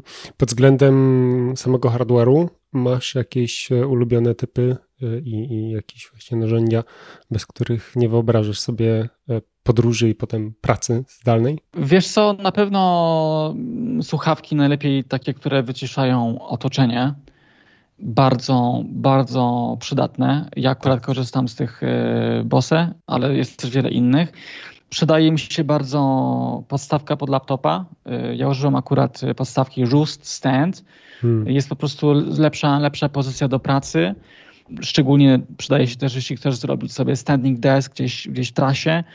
Wiesz, wtedy podkładasz cokolwiek, co masz w mieszkaniu, wiesz, jakaś mikrofalówka, książki, y, stół drugi i tak dalej. Robisz sobie standing desk. Dokładnie, no. dokładnie. Czasami zda, zdarza mi się w ostatnim czasie, że wkładam też w podróż monitor e, taki przenośny. Mam taki monitor Asusa, hmm. który łączy się z moim laptopem. Ja korzystam z MacBooka Pro hmm. i łączy się po USB-C. I ten jeden kabel po prostu daje i zasilanie, i obraz, i po prostu stawiam sobie taki monitor, mam zewnętrzny ekran a jeśli nie, to w przeszłości też korzystałem na przykład z, z tableta, z iPada, żeby wykorzystać też do zewnętrznego ekranu, także to mi się przydawało. Mam też, mam też właśnie, jeśli korzystam z podstawki, to też podpinam często zewnętrzną klawiaturę i mieszkam na Bluetooth, ale tak naprawdę to, to zależy od, od, od tripa, czy na dłużej, czy na krócej. Z innych rzeczy to są rzeczy, które mi najbardziej, naj, naj, najszybciej przychodzą do głowy, jeśli chodzi o taką mm -hmm. produktywność i ergonomię w e, trasie. Jasne. Zatem pod względem mm, samego ekwipunku preferujesz plecaki, czy właśnie jakieś inne torby na ramię, albo może masz jakieś konkretne marki, które faktycznie e, najlepiej się sprawdzają w trakcie Twoich podróży? Tak, wiesz co, ja, ja korzystam akurat z plecaka, który jest marki może podlinkujemy Wynydyrdy, taką trochę mm -hmm. trudną nazwę, ale on jest bardzo, bardzo praktyczny. Popularne są też y, plecaki typu Minal, albo Spraya, albo Tortugi, albo Teambook 2. To są takie marki, które są najbardziej popularne wśród nomadów i no testowałem jakby wiele różnych wiele różnych miałem podejść do różnych y, plecaków, ale jakby pamiętajcie, że niektóre z nich są dosyć drogie, natomiast y, naprawdę to jest niesamowite, ale czym, czym, czym droższą, może jest oczywiste, ale czym droższą rzecz kupimy, ona na dłużej pozostaje. I na przykład hmm. kiedyś te plecaki, które rzeczywiście kupicie, dobry plecak, to naprawdę potrafi wam naprawdę przeżyć wszystko przez wiele lat. I miałem, miałem takie, właśnie na przykład wcześniej miałem e, Messenger Bag z Teambook 2, przeżyła bardzo dużo, a teraz mam właśnie ten plecak Wendrdy, który jest hmm. super praktyczny i ergonomiczny, także, także bardzo polecam. E, jeśli chodzi jeszcze, jeśli chodzi o rzeczy, bez których nie mógłbym się obejść, dotyczy zarówno hardware'u, jak i, jak i software'u, no to jeśli chodzi o karty SIM, kiedy podróżuję, no to sprzedaje się tutaj na pewno urządzenie, które się nazywa MiFi, czyli taki mm, kieszonkowy Wi-Fi mm-hmm. i to są taki, takie urządzenie, to jest takie urządzenie, gdzie wpinasz sobie kartę lokalną którą kupujesz w nowym kraju. Y, tam powiedzmy jest taka strona, nazywa się SIM Card Wikia i tam, jest, y, tam są y, SIM karty prowajderzy internetu, którzy są naj, najtańsi, więc jak ląduję w nowym kraju, to ja kupuję taką kartę SIM i wtedy jak nie wkładam do telefonu, to wkładam do takiego właśnie pocket, urządzenia Pocket -hmm. Wi-Fi i to mi, wiesz, tworzy sieć Wi-Fi, sobie. -hmm. Tak i dzięki temu nie muszę pisywać tego nowego Wi-Fi wszędzie, zawsze, znowu, tylko po prostu mi się wszystkie urządzenia z tym łączą i, i, i to jest świetne. A teraz coraz częściej, jeśli masz telefon z eSIM-em, na przykład nowe iPhony, no to są też wyszukiwarki tych eSIM-ów, e, na przykład e, esimdb.com tak. i tam, tam masz też na przykład mhm, mhm, tak, możesz wpisać sobie dany kraj i nawet bez konieczności wiesz, pójścia do tego kiosku, żeby kupić są karty SIM, czasami trzeba się męczyć z jakimiś danymi zostawać, no to po prostu wiesz, płacisz kartą sobie podpiętą i masz już dostęp do internetu lokalny, nie? Mm, tak, tak, tak. To jest bardzo dobre rozwiązanie i czekam aż się to rozpowszechni, bo faktycznie no, eSIM jest takim brakującym ogniwem, e, jeśli chodzi o tą łączność globalną, no bo faktycznie te, te ci operatorzy powinni ze sobą konkurować, a plastik, który wkładamy, tak, ten chip, który wkładamy do środka telefonu już jest takim trochę archaicznym rozwiązaniem, który był wymyślony tylko po to, żeby zidentyfikować tego płacącego, tak? Czy on ma abonament, albo czy ma jakieś środki na tej karcie prepaid. I teraz, no, skoro już możemy płacić tą kartą kredytową, czy inną kartą płatniczą przez internet, to to y, traci na znaczeniu taki, taki fizyczny element i, i wszystko będzie e, wirtualne i, i zdigitalizowane. Wracając jeszcze do tych rzeczy właśnie hardware'owych, software'owych, wspomniałeś o tym aspekcie, że im lepsza jakość tego danego ekwipunku, którą kupujemy, no to na dłużej on nam starczy. Czy nie sądzisz, że to jest powiązane właśnie z kwestią minimalizmu, że lepiej wybrać jeden, ale dobry produkt zamiast pięciu, które nam szybko e, się zepsują? Tak, myślę, że na, na, na pewno to dotyczy naprawdę każdej rzeczy. Jeśli mamy dobry materiał, nawet naszych e, ubrań, to możemy ich, jest, ich mieć mniej i korzystać z nich e, w różną pogodę, nie? Wiesz, e, masz ten na przykład wśród wielu nomadów, e, ja, ja też bardzo lubię koszulki na przykład, czy ubrania z na przykład z, z tej wełny merino, nie? I rzeczywiście mm -hmm. ona jest dużo bardziej durable, czyli lepiej jakby zachowuje się w różnych warunkach i bardziej jest odporna hmm. na, na, na wiesz, różne warunki. I, I, to ci właśnie pozwala na to, że możesz spakować się nawet jeśli chcesz w bagaż podręczny. Ja akurat nie jestem osobą, która e, która po prostu podróżuje tylko z bagażem podręcznym. Szczególnie też przez to, że że prowadzę swój podcast, no to jednak trochę jest tych urządzeń, które jednak biorę ze sobą. No tak, tak. jednak ta walizka albo plecak jest, ale, ale na pewno jakość tych rzeczy jest, e, jest bardzo ważna i co dotyczy wszystkiego, na przykład, tak jak wspomniałeś właśnie, czy, czy słuchawki, czy sprzęt, to jest bardzo ważne. Tak samo inne, inne rzeczy, których, które lubię brać ze sobą, no to jeśli chodzi o produktywność, no to jeśli pracuję w nocy, to, to biorę ze sobą, zawsze staram się brać ze sobą też okulary, które blokują niebieskie światło, które ubieram często właśnie w nocy. Jest nawet firma w Polsce, która sprzedaje takie okulary. A nie ustawiasz tego sobie w samym MacBooku? To też, to też jest ustawione i w telefonie, i w laptopie, natomiast Aha. jeszcze lepiej, jak po prostu dodatkowo masz te okulary, bo to masz. Jasne. Tak, jeszcze, jeszcze jeszcze masz lepszą ochronę, wiesz, czasami jest, jest różne oświetlenie w pokoju i to bardzo dużo daje, kiedy masz masz te inne kolory rzeczywiście przed nocą. Często też biorę na przykład y, rzeczy do kawy, czyli na przykład podróżuję często z moim Aeropressem i mhm. też z moim y, młynkiem podręcznym. Aha. Akurat popularny jest młynek Porlex Mini, on jest, on jest bardzo spoko. Teraz mhm. jeszcze kupiłem jeszcze jakiś inny, jakiś taki z, nowszy, już nie pamiętam nazwy, ale to są też rzeczy, które się przydają. Bo nie, ręczny, nie, nie czy każdy... na prąd? Tak, to jest ręczny, więc nie jest to zbyt, hmm. zbyt wygodne, ale to jest taka opcja zapasowa, kiedy rzeczywiście nie chcesz iść do kawiarni albo kiedy nie masz na przykład w Airbnb jakiegoś ekspresu, no to, to można z tego skorzystać. Śmieję się z tego, ale sam ostatnio zainwestowałem w e, z kolei Nanopresso, bo jestem miłośnikiem espresso i podoba?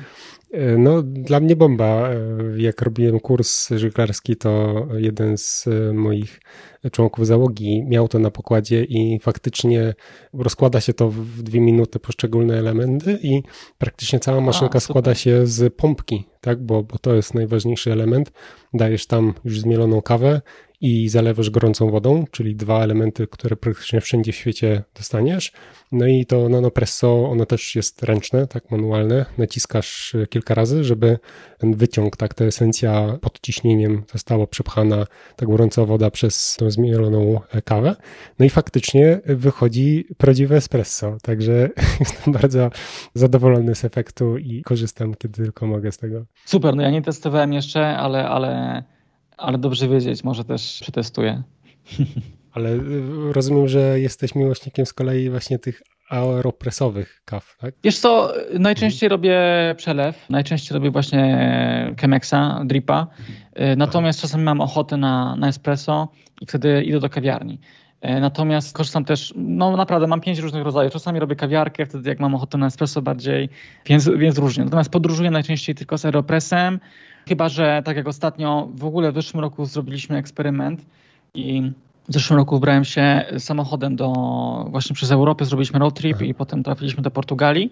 No tam już mieliśmy samochodem możliwość wziąć więcej rzeczy, więc wtedy to już rzeczywiście wzięliśmy e, i Chemexa i w ogóle e, i młynek do, mhm, do kawy mhm. taki elektryczny. Pełen zestaw.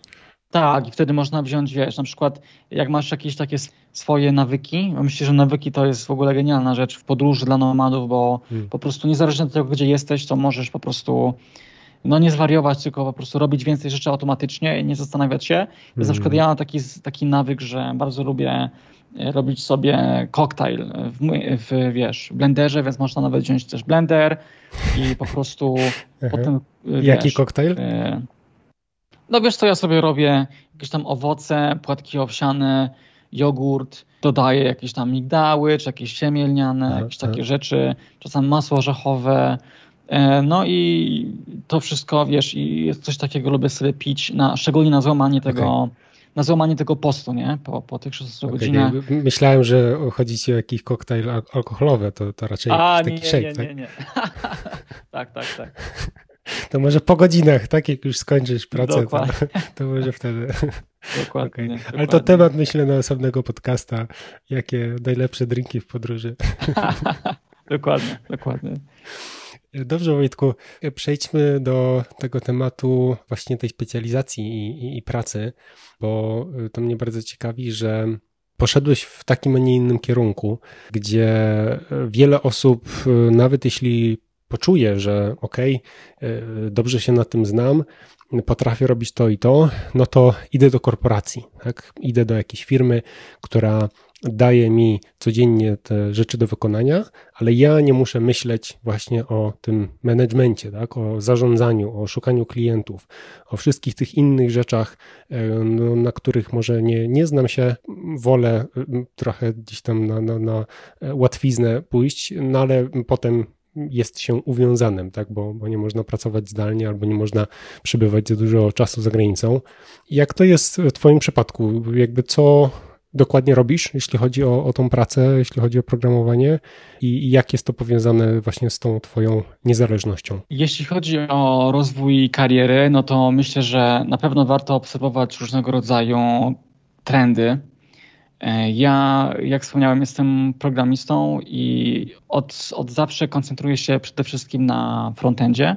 Mhm. Akurat mój, e, mój stack to jest właśnie, w tym momencie to jest e, React i, i głównie to jest właśnie produkowanie właśnie UI engineering, UX mhm. engineering skupiam się właśnie na tych, na, na, na wyglądzie. Bardzo dużo korzystam z, na przykład ze Storybooka, y, tworzę różne design systems. Dbam o zarówno dobre praktyki właśnie, y, jeśli chodzi o wydajność stron internetowych w frontendzie, ale też o dostępność. Dostępność to zawsze była taka moja nisza. Mhm. I Ten accessibility, także, tak? Dokładnie. Mhm. Także, także jeśli chodzi o takie typy, które bym miał, to na pewno warto zwracać uwagę na kierunek, w którym jakby podąża IT. W tym momencie jakby cały czas jest, szczególnie frontend, tak dynamicznie się zmienia, że trzeba być y, bardzo, bardzo na bieżąco, śledzić te newsy i bardzo często, kiedy właśnie jesteś osobą, która y, wiesz, zaczyna zajmować się jakimś nowym, nową technologią, to, to, to pozwala ci pozwala ci to na wejście właśnie do, do tej branży i konkurowanie na przykład z osobami, które mają, mimo tego, że mają powiedzmy w teorii dłuższe doświadczenie w IT czy z programowaniem i tak dalej, no to jednak, no to jednak wiesz, jak masz nową technologię, no to często e, często możesz mieć nadal bardzo dużo, wiesz, benefitów dla potencjalnego pracodawcy czy klienta, nie? Teraz mhm. takim przykładem jest krypto i w ogóle blockchain development. Wiesz, mhm. tak, tak długo jak oczywiście... W tym też siedzisz? Pewne, tak, tak. Bardzo mocno się tym interesuję i staram się, staram się dużo mocniej wejść e, w tą, w tą branżę. I tak naprawdę, wiesz, są, są takie koncepty w programowaniu, w IT, które są, wiesz, uniwersalne i które się nie zmieniają, wiesz, jakieś wiesz, algorytmy, jakieś struktury, wiesz, jakieś um, typy, typy danych i tak dalej, mhm. ale, ale bardzo wiele rzeczy, wiesz, te, te paradygmaty się na bieżąco zmieniają te metodologie i, i tak naprawdę warto, warto obserwować te nowinki i podążać za nimi. Czy zatem tym projektowaniem, samym designem też się zajmujesz? Nie, ja mam dobrą znajomość e, narzędzi do tego, bo to mi się bardzo przydaje. Natomiast ja nie zajmuję się w ogóle tworzeniem designu, tylko, tylko właśnie wdrażaniem i implementacją tego. E, natomiast y, chciałem dodać jeszcze, że drugi, druga, drugi tip ode mnie to jest właśnie to, że bardzo, war, bardzo warto mieć taką mocną koncentrację w jednej rzeczy, czyli mieć taką swoją niszę i być naprawdę jak, jak najlepszym, jak, jak, jak jest możliwość w tej jednej rzeczy. Czyli to się mówi, że można mieć taką trochę formę litery T, czyli właśnie wiesz, masz powiedzmy wiedzę na, na, na szerzej, ale jest jedna rzecz, której się jest najlepszym. Nie? I dla mnie akurat było kilka takich rzeczy, ale myślę, że taka rzecz, która naj, y, historycznie najdłużej to była moja nisza, to właśnie dostępność. Nie? I to jest zawsze moja pasja i mnie to osobiście dużo daje. Mogę spełnić jako tam swoją misję, że wiesz, ja usprawniam jakieś strony internetowe dla osób, dla, dla wszystkich, ale również dla osób z różnymi dysfunkcjami, powiedzmy wzroku i, mhm. i to mi na przykład dużo daje i także bardzo polecam mieć taką swoją niszę. Czy ta nisza pojawiła się ze względu na to, że znasz takie osoby? Masz może e, w rodzinie kogoś, kto właśnie e, ma ten wzrok gorszy, czy, czy jakąś tam zręczność e, nie najlepszą, że, że musi mieć to dostosowane? Czy, czy jakieś inne źródło jest tego? Akurat? Nie, nie, to, to, był, to był zupełny przypadek, że mhm. kiedyś akurat Kiedyś po prostu dowiedziałem się o tym temacie, jak był jakiś konkurs e, na, na jakąś tam stronę internetową poświęconą e, jakimś tam upośledzeniom wzroku i słuchu i, i zacząłem się tym interesować i, i wszedłem w to mocniej. Aha, no jakby to się zaczęło wtedy, że no ja pamiętam, że na ten konkurs e, zrobiliśmy kilka osób kurs języka migowego w internecie. To był pierwszy kurs języka migowego polskiego, który był dostępny mhm. online żeby go zrobić, to nam musieliśmy jakieś książki pożyczać z biblioteki, że tam są jakieś hmm. rysunki, wiesz, tych znaków. My to zrobiliśmy zdjęcia, wrzuciliśmy to do internetu.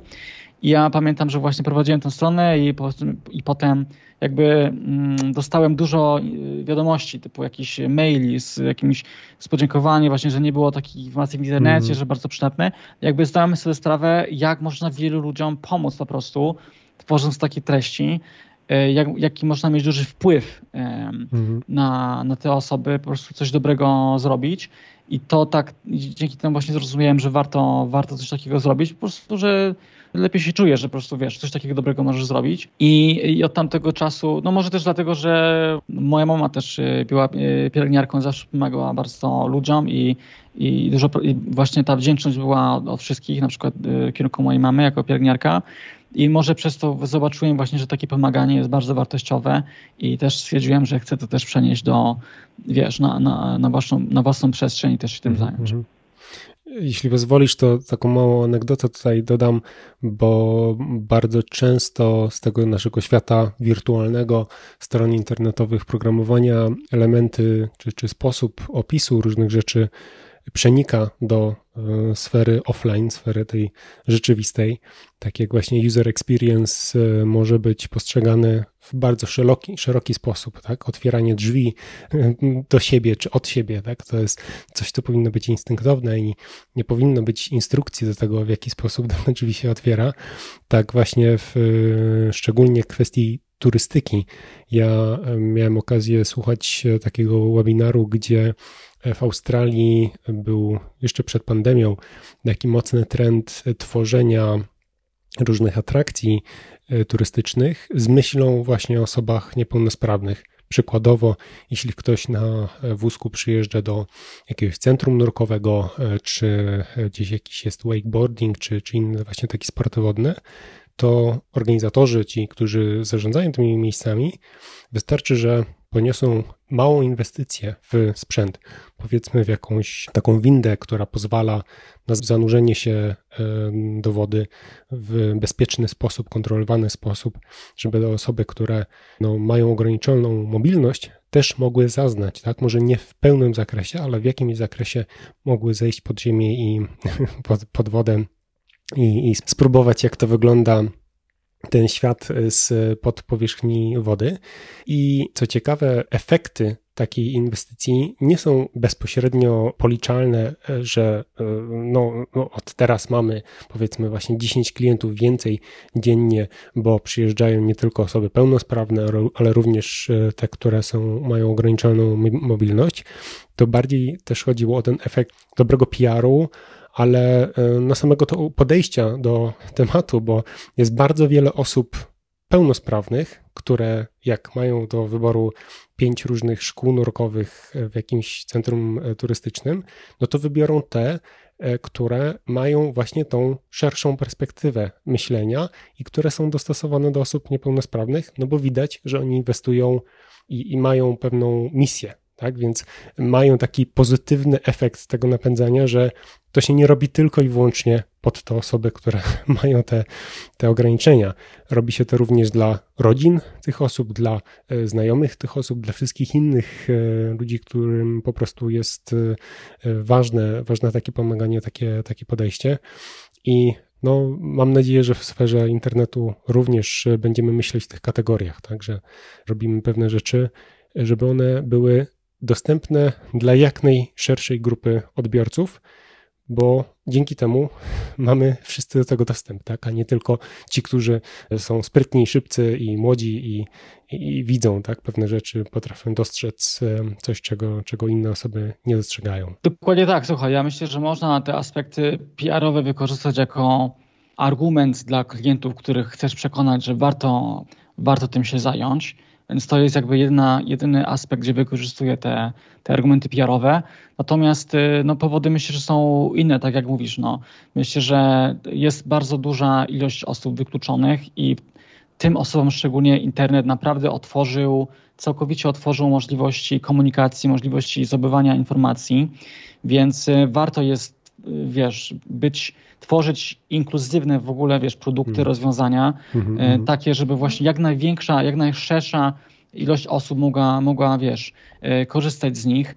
I, I, bardzo często właśnie te, te usprawnienia dostępnościowe przynoszą korzyści dla wszystkich osób, a nie tylko dla, e, dla niepełnosprawnych. Nie? Powiedzmy na przykład rampa podjazdowa dla wózka inwalidzkiego, no to skorzystają z niej matki z Dokładnie. wózkami dla dzieci. Nie? Tak samo tak. każdy z nas wiesz, e, są osoby w podeszłym wieku, które potrzebują rzeczywiście mieć na przykład możliwość e, odczytania strony internetowej czy aplikacji z zwiększonym powiedzmy tekstem. Są osoby, które gorzej komunikują się w danym języku, więc korzystają właśnie z większej czytelności tekstu, z prostszego języka, bo to też jest mm -hmm. ważne. Także, także dbając o dostępność, to nie, nie, nie celujemy tylko właśnie do osób z jakimiś e, właśnie z, stopniem upośledzenia, tylko tak naprawdę przynosimy korzyść e, każdemu. I cieszę się właśnie, że coraz więcej narzędzi, coraz więcej stron, produktów bierze pod uwagę tą dostępność i jakby traktuje ją równie ważnie jak, jak, jak wszelkie inne aspekty. Super, super. Cieszę się, że robisz e, rzeczy w tym kierunku i, i aby takich rozwiązań było więcej w przyszłości. Dobrze, Wojtku, zatem zmieńmy nieco bieg naszej rozmowy, bo jestem bardzo zainteresowany wątkiem Twojej firmy w Estonii. E, dlaczego i kiedy zdecydowałeś się na założenie spółki właśnie tam? Tak. Akurat korzystam ze spółki w Estonii, dlatego że Estonia to jest w ogóle bardzo ciekawy kraj jest bardzo nowoczesny, to znaczy oni od y, dłuższego czasu celują do digital nomadów poprzez właśnie inicjatywy takie jak e-rezydencja, która umożliwia dokonywanie różnego rodzaju y, operacji, na przykład związanych albo z mieszkaniem tam, albo właśnie prowadzeniem firmy na miejscu y, przez internet, niezależnie od tego, gdzie, gdzie jesteś wiesz, sama rezydencja nie jest może na tyle wartościowa bez na przykład bycia tam albo prowadzenia firmy, ale rzeczywiście, mhm. kiedy, kiedy masz tam firmę, to się bardzo przydaje. E, oprócz tego jestem fanem Estonii, bo prowadzenie firmy tam jest bardzo proste. Masz bardzo mało biurokracji, obowiązki tak naprawdę księgowe. E, wystarczy, że, wystarczy, że zajmujesz się tym e, raz w roku, jeśli na przykład nie, nie jesteś płatnikiem VAT, czyli na przykład kiedy, kiedy nie miałbyś klientów tylko e, w Stanach, a nie w, w, Europie, no to nie masz mhm. tego obowiązku, żeby rejestrować jako płatnik VAT i ta, ta, ta księgowość jest bardzo, bardzo prosta. Wystarczy, że, że raz w roku um, pracujesz z księgowymi nad tym i, i to jest wszystko. Te przepisy są stabilne, przejrzyste, proste. E, jest bardzo e, jasne, klarowne podejście, na przykład jeśli chodzi o kryptowaluty. To są wszystko hmm. aspekty, które powodują, że ten kraj bardzo przyciąga nomadów i osoby, które w ogóle prowadzą biznes przez internet, mm, hmm. bo po prostu e, dużo łatwiej jest to robić e, w porównaniu na przykład do, do innych krajów, na przykład e, Polski, gdzie oczywiście no, jest cała masa cała masa różnych... Biurokracji, pro... nazwijmy to. Biurokracji, w tak. skrócie, tak. Myślę, że wszyscy wiemy, o czym mowa. Mhm. I kiedy zdecydowałeś się na założenie spółki tam? No już jakiś czas temu. Myślę, że to co najmniej, co najmniej dwa lata temu. Mhm. A wcześniej była to tylko spółka w Polsce, czy jeszcze inne próbowałeś kraje? Tak, wcześniej tradycyjnie działałem w Polsce, zarówno jeśli chodzi o o działalność jednoosobową, jak i spółkę ZO. Także mam, mam dużo doświadczenia, jeśli chodzi o prowadzenie firmy w, w hmm. Polsce. Przechodziłem przez wiele różnych problemów, wyzwań właśnie z kontraktami z zagranicą, różnymi rodzaju, rodzajem formalnościami, z pieczątkami, z wiesz, no cała masa, naprawdę cały szereg różnych problemów na przestrzeni lat i to jest mhm. Miałeś po plus, prostu dość wiesz, zmieniający, zmieniający, wiesz, plus, plus y, zmieniające się przepisy, ta niepewność podatkowa, to, że po prostu, wiesz, y, czy bardzo często przepisy są niejasne, to, że róż, róż, różni księgowi, doradcy podatkowi po prostu nie mają, mają sprzeczne, sprzeczne opinie.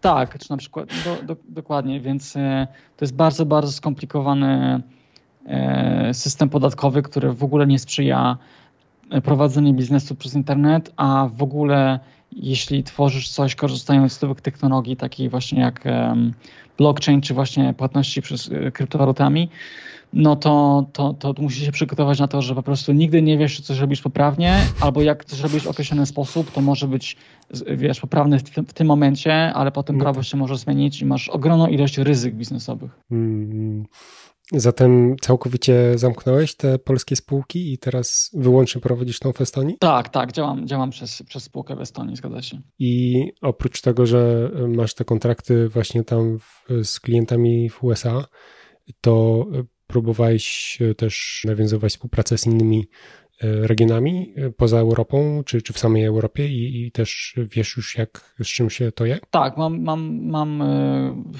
klientów z, z różnych krajów, natomiast korzystam z firmy, która pomaga mi uporać się właśnie z formalnościami w Stanach, dlatego że rzeczywiście no, że to jest spore uproszczenie. Poza tym, nie mając takiej, takiej firmy, która ci pomaga, czasami po prostu bardzo ciężko byłoby podpisać kontakt, kontrakt bezpośrednio z firmą w Stanach, bo jednak bardzo wiele firm rzeczywiście nie, z różnych względów też właśnie prawnych nie, nie podpisuje tych kontraktów z firmami z zagranicy, więc, mm. więc takie tak. firmy pośredniczące po prostu są potrzebne.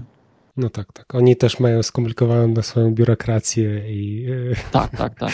lepiej się w nią nie zagłębić, jak nie ma takiej potrzeby. Super, no to, to w takim razie e, działa to dla ciebie bardzo dobrze. Czy miałeś na jakimś etapie tego researchu jakieś e, wątpliwości, albo czy chciałeś, planowałeś może założenie tej firmy w Wielkiej Brytanii, nie wiem, na Malcie lub, lub w jakichś innych tych krajach, które też e, słyną z tego, że, że starają się przyciągać tych e, nomadów? Tak, robiłem research na ten temat. Tak naprawdę wiele zależy od tego, gdzie faktycznie przebywasz. To jest najważniejsze. I każ w, ka w każdym roku coraz, coraz trudniej jest prowadzić spółkę za granicą, mieszkając w kraju innym niż jest ta spółka.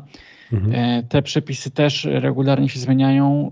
Tak naprawdę Unia Europejska bardzo często też dyktuje przepisy, które są e, implementowane przez poszczególne kraje.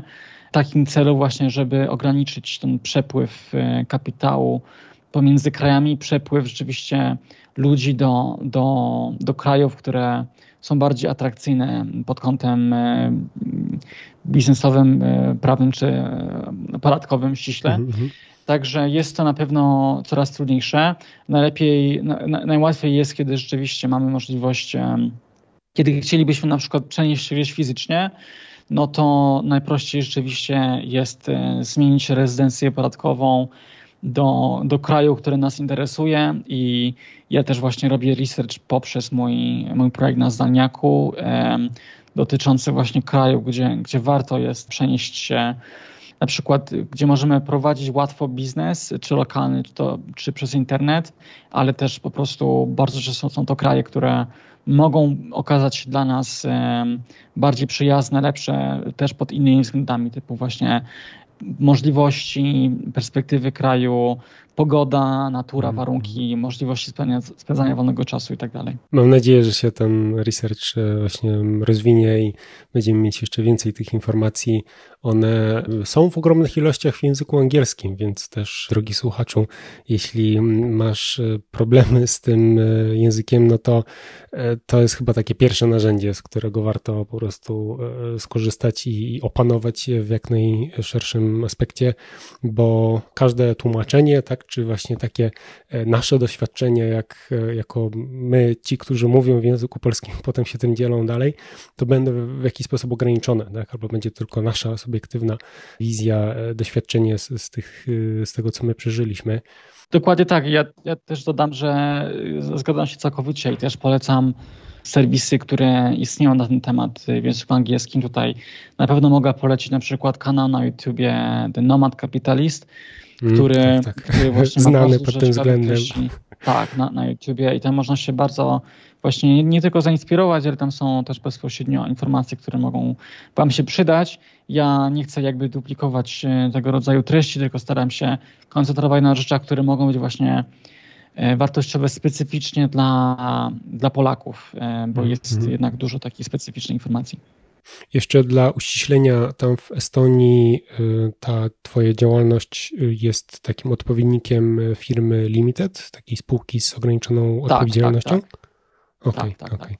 No to też myślę warto podkreślić, bo bardzo często, no, znając tylko polskie przepisy i próbując je przerzucić na to, jak to wygląda za granicą, to ludzie nie mają świadomości, że działanie jako ten freelancer, czy to, co często się nazywa sole trader, czyli ta jakby ty jako jednostka, jako osoba, jesteś gdzieś tam zarejestrowany w urzędzie i danego kraju i mm, prowadzisz działalność, ale to nadal jest jakby wszystko powiązane z tobą jako właśnie tym obywatelem, rezydentem czy nie, a posiadanie firmy która jest osobnym bytem prawnym, tak? czyli właśnie tej spółki e, limited, czy z ograniczoną odpowiedzialnością, czy jakkolwiek inaczej ona by się nazywała tam za granicą, ona przez to, że ma tą osobowość prawną, to jest odpowiedzialna sama sobą. Tak? Czyli jeśli coś miałoby się wydarzyć, jeśli miałyby być znowu jakieś zmiany w przepisach,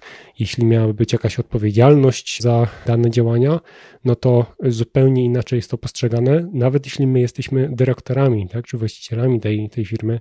Ja z kolei prowadzę firmę w UK od 2014 i jednym z głównych aspektów było właśnie to, że tam jest bardzo czysto kwestii tego, jak e, to angielskie prawo e, podchodzi do rozwiązywania sporów, jak wygląda kwestia nawet zamknięcia takiej spółki czy bankructwa, jeśli miałoby się to wydarzyć, co jest zdecydowanie trudniejsze i bardziej zagmatwane w polskich realiach. Także czy ty też potwierdzasz, że spółka, ta, ta limited, to, to jest właściwe rozwiązanie? Tak, zgadzam się. Trzeba też pamiętać o tym, że jednak te powiązania są transparentne, jeśli jesteśmy E, Ultimate Beneficial Owner, mhm. czyli mamy właśnie ten status UBO. To nie jest tak, że jesteśmy całkowicie wiesz, anonimowi i tak dalej, tylko po prostu te, te sieć powiązań, te kraje komuniku komunikują się między sobą i tak dalej, więc musimy też być świadomi, musimy rozumieć te przepisy na przykład związa związane właśnie z CFC, czyli spółkami zagranicznymi. Mhm. I, I, jeśli ktoś jest zainteresowany właśnie spółkami zagraniczną, to myślę, że powinien się zaznajomić właśnie z tymi e, zasadami, przepisami CFC. Jeśli, jeśli wasza intencja to, jest, to są na przykład kwestie podatkowe, no to to jest dosyć skomplikowany temat, ale najprościej jednak jest mieć rezydencję podatkową, bo ta rezydencja podatkowa najczęściej właśnie determinuje, gdzie powinniście płacić e, podatki, szczególnie jeśli prowadzicie firmę jednoosobowo.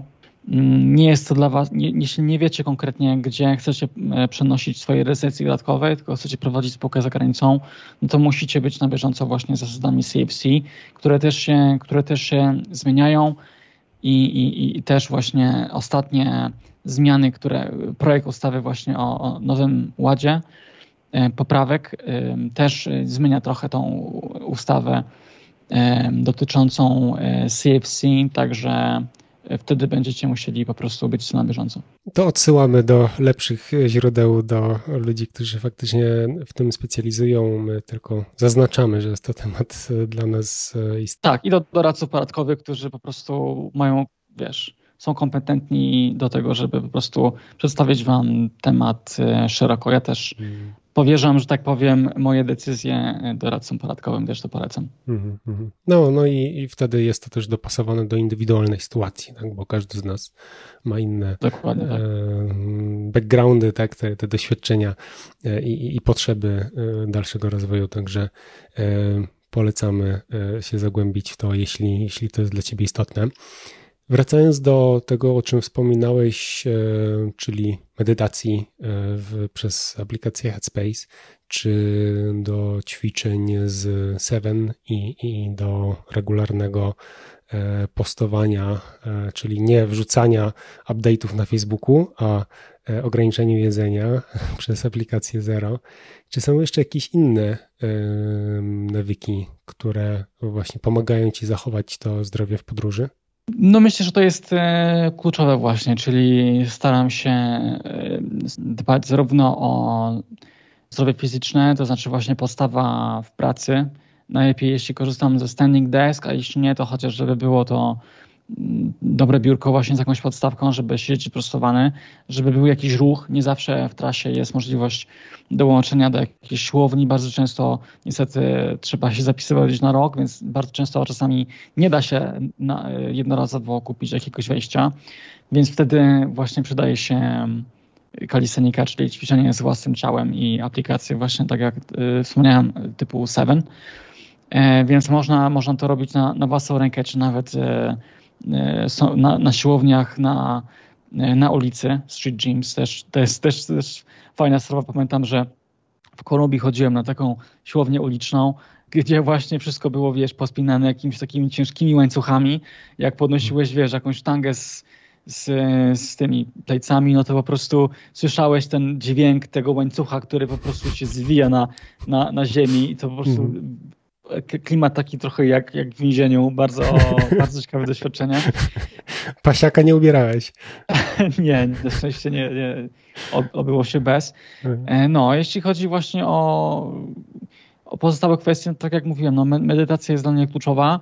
Od jak dawna? Wiesz co, nie robię tego codziennie, tak naprawdę um, na pewno byłoby, byłyby lepsze efekty, gdybym to robił codziennie, natomiast staram się to robić jak najczęściej. E, no myślę, że co najmniej kilka lat, co najmniej kilka lat. Mm -hmm. To mi bardzo pomaga tak naprawdę wyczyścić umysł i jakby to pomaga mi właśnie w takim wyznaczeniu priorytetów, jakby bardziej hmm. dla mnie jest jasne, na czym chcę się, co się skupiać. Mam mniej rozproszeń, e, łatwiej się koncentruję, także bardzo, bardzo polecam. No jeśli chodzi o inne nawyki, no to mówiąc, tak, tak patrząc na to szerzej, no to na pewno kiedy trafiam do nowego miejsca, no to orientuję się. Po pierwsze, szukam miejsca, żebym najlepiej miał w odległości y, na nogach miał dostęp właśnie do, do no właśnie do jakiejś, czy, czy do siłowni, czy do coworka, jeśli potrzebuję, czy do sklepu. Czyli robię ten research już wcześniej po to, żeby właśnie na miejscu jak najmniej tracić czasu na poznawanie tych miejsc w okolicy, żeby właśnie dotrzeć na miejsce i mieć możliwość na przykład już pracy bezpośrednio, żeby na przykład mo, moi klienci, moja praca nie nie mieli konsekwencji tego, że podróżuję, nie? Mhm, mhm. Ale właśnie bardzo często możesz, możesz przyspieszyć sobie pracę, kiedy zrobisz research wcześniej, a będąc na przykład w, w krajach rozwijających się, szczególnie właśnie w Azji Południowo-Wschodniej czy, czy w Ameryce Latynoskiej, no to te aplikacje z rzeczami w dostawie są bardzo, bardzo rozwinięte. Więc możesz naprawdę bardzo tanio zamówić jedzenie czy, czy zakupy i nie musisz spędzać czasu, żeby powiedzmy, wiesz, iść do restauracji, czekać na zamówienie, mm. szukać, szukać miejsca i tak dalej.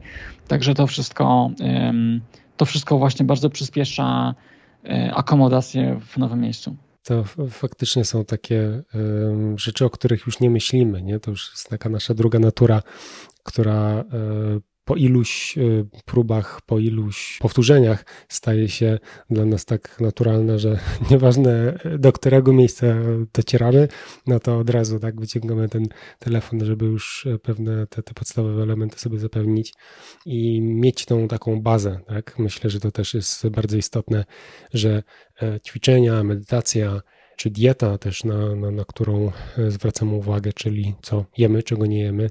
E, to są te małe elementy, które budują coś większego, tak? budują tą e, naszą ścieżkę, tą naszą wielką podróż, którą przez całe życie odbywamy. Wielokrotnie mówiłeś o, o wielkich rzeczach, w takim sensie, że jest dla ciebie istotna ta dostępność, tak? ten accessibility. E, mówiłeś też o, o tym podejściu e, do lokalsów, do e, kultur, do, które odwiedzamy i o tym, żeby po prostu je respektować, żeby o nich wiedzieć. Zatem tak powoli zmierzamy już do końca naszego spotkania dzisiaj. Jakbyś mógł określić, co jest takim Twoim planem długofalowym co chciałbyś osiągnąć albo do czego chciałbyś się przyczynić? Tak jak mówiłem wcześniej, podróże bardzo dają nam możliwość poznawania siebie i, poz i zdawania sobie sprawy tak naprawdę, co, co powoduje, że, że działamy, co, dzięki czemu, wiesz, chcemy, chcemy tworzyć nowe rzeczy, chcemy po prostu pracować i myślę, że to jest świetne, jeśli e, powiedzmy zrozumiecie, co jest taką rzeczą, która która was napędza, czyli takie zrozumienie takiej własnej misji. Ja sobie zdałem sprawę, że, że moje poprzednie lata i dotychczas jestem bardzo, bardzo właśnie wdzięczny, że mogę żyć w ten sposób, w jaki żyję. Te podróże i możliwość właśnie życia w, w, w takich e, krajach właśnie, gdzie ten gdzie po prostu byłem bardzo szczęśliwy i w ogóle szerzej możliwość przemieszczania się, możliwość po prostu mhm. polecenia i pracy, możliwość utrzymania się w dowolnym miejscu, jakim chcę, to jest po prostu ogromne, niesamowite szczęście. I zrozumiałem, że tak naprawdę pomyślałem, jakie mogą być następne kroki, bo mógłbym po prostu nadal żyć w taki sposób i, i, po prostu nie, było w tym, nie byłoby w tym nic złego. Ja byłbym dalej bardzo z tego e, zadowolony. Natomiast zdałem sobie sprawę, że po prostu wiele ludzi nie, nie, nie wie o tym, że taka zmiana otoczenia, czy, czy nawet właśnie określone działania świadome, kierowanie właśnie swoim życiem w tym kierunku, może też tak bardzo pozytywnie wpłynąć na, na ich życie. Mhm. Więc, więc od tego wyszedłem. No i, i zdałem sobie sprawę właśnie, jak dużo daje mi czy, czy właśnie rozmawianie z, z osobami na ten temat, czy pomaganie innym, czy właśnie zwiększenie tej świadomości. Bo mimo tego, że Wiadome jest, że rzeczywiście praca zdalna w ostatnich latach, szczególnie od początku pandemii, bardzo się rozpowszechniła, no to nadal bardzo często hmm. ludzie nie wykorzystują możliwości, które są e, z nią związane. Szczególnie tych asynchronicznych. Tak, szczególnie jeśli chodzi o, o pracę asynchroniczną. Dlatego, dlatego właśnie zacząłem pracować nad, nad, e, nad moim e, podcastem na Zdaniaku, dlatego tam właśnie zarówno właśnie jakieś tam zapisuję moje doświadczenia, jakieś rzeczy, których się nauczyłem, ale też rozmawiam z innymi osobami, które żyją w taki sposób, tak samo jak właśnie jak rozmawiałem e, z tobą, mhm. bo myślę, że, że właśnie dzieląc się takimi historiami, takim doświadczeniem, możemy bardzo pomóc i zainspirować e, większą część osób i ja się z tego bardzo cieszę, jeśli rzeczywiście ta świadomość jest większa i myślę, że zwiększenie tej świadomości daje bardzo dużo benefitów szeroko, nie tylko do, dla tych osób bezpośrednio, tylko hmm. też dla też szerzej dla całej siatki społecznej, czy dla, dla całych powiedzmy krajów, czy w ogóle społeczności hmm. na świecie, bo na przykład powodujemy, że nie ma już takiej koncentracji e, w poszczególnych na przykład dużych miastach, Hmm. Tylko, tylko właśnie możemy albo bardziej podróżować, albo nawet y, jeśli ktoś nie chce, to nie, nie trzeba podróżować, ale można powiedzmy zrobić sobie jakąś bazę z dala od miasta, czy w jakimś miejscu, które pozwala nam na to, że jesteśmy bliżej rzeczy, bliżej możliwości właśnie spędzania czasu tak jak chcemy, czy, czy w górach, czy, czy nad morzem, czy wiesz, w zależności od naszych, mm. naszych pasji i zainteresowań. Także po, po prostu to jest możliwość dostosowania naszego życia do, do naszych, do rzeczy, które sprawiają, że jesteśmy szczęśliwi, bardziej nas spełniają. E, także ja od tego wyszedłem i właśnie dlatego pracuję nad tym, nad tym projektem. Nie mam, tak naprawdę bardzo lubię właśnie dostosowywać się na bieżąco do zmieniających się okoliczności. E, myślę, że tak jak mówiłem wcześniej, jeśli chodzi o e, bardziej stronę profesjonalną, no to bardzo wierzę w rewolucję właśnie związaną z z kryptowalutami i mm. to, jak, jak, jaki to będzie miało kolosalny wpływ na każdą sferę naszego życia i jak można to zaaplikować na, naprawdę na, e, na różne dziedziny. Także wierzę w to, mocno się tym interesuję i mam nadzieję, że uda mi się też działać w tym kierunku też bardziej pod kątem zawodowym. Super. Mam nadzieję, że to wszystko się powiedzie i podcast na zdalniaku będzie miał właśnie ten efekt, o którym mówisz, e, takiego ripple effect, tak? takiego falowego nakręcania i, i powodowania, że, że ludzie nie tylko ci, którzy słuchają, ale również partnerzy tych osób, rodziny, e, wszyscy inni, którzy w jakiś sposób są z nimi powiązani, zobaczą efekty właśnie tego, że nie musimy już koncentrować się w wielkich miastach. Nie musimy pędzić na złamanie karku w korkach, e, żeby tylko do tego biura wejść i podbić jakąś kartę, naszą ID, bo jest liczona każda minuta naszego spóźnienia i to wpływa na nasze zarobki. Tylko faktycznie możemy spowolnić, możemy zastanowić się nad tym, co jest istotne i e, dzięki temu hmm, budować lepszą przyszłość. Czyż nie? Zgadzam się w 100%. Dziękuję Ci pięknie, Wojtku, za naszą rozmowę i mam nadzieję, zobaczymy się gdzieś w świecie. Jasne, ja również i też dzięki za możliwość podzielenia się jakimiś doświadczeniem właśnie w tym podcaście. Bogate notatki oraz wszystkie książki, aplikacje, serwisy, o których rozmawiamy, znajdziesz na nerdontour.net przez zając bez polskich liter. czyli zajac. To jest nerdontour.net przez zajac.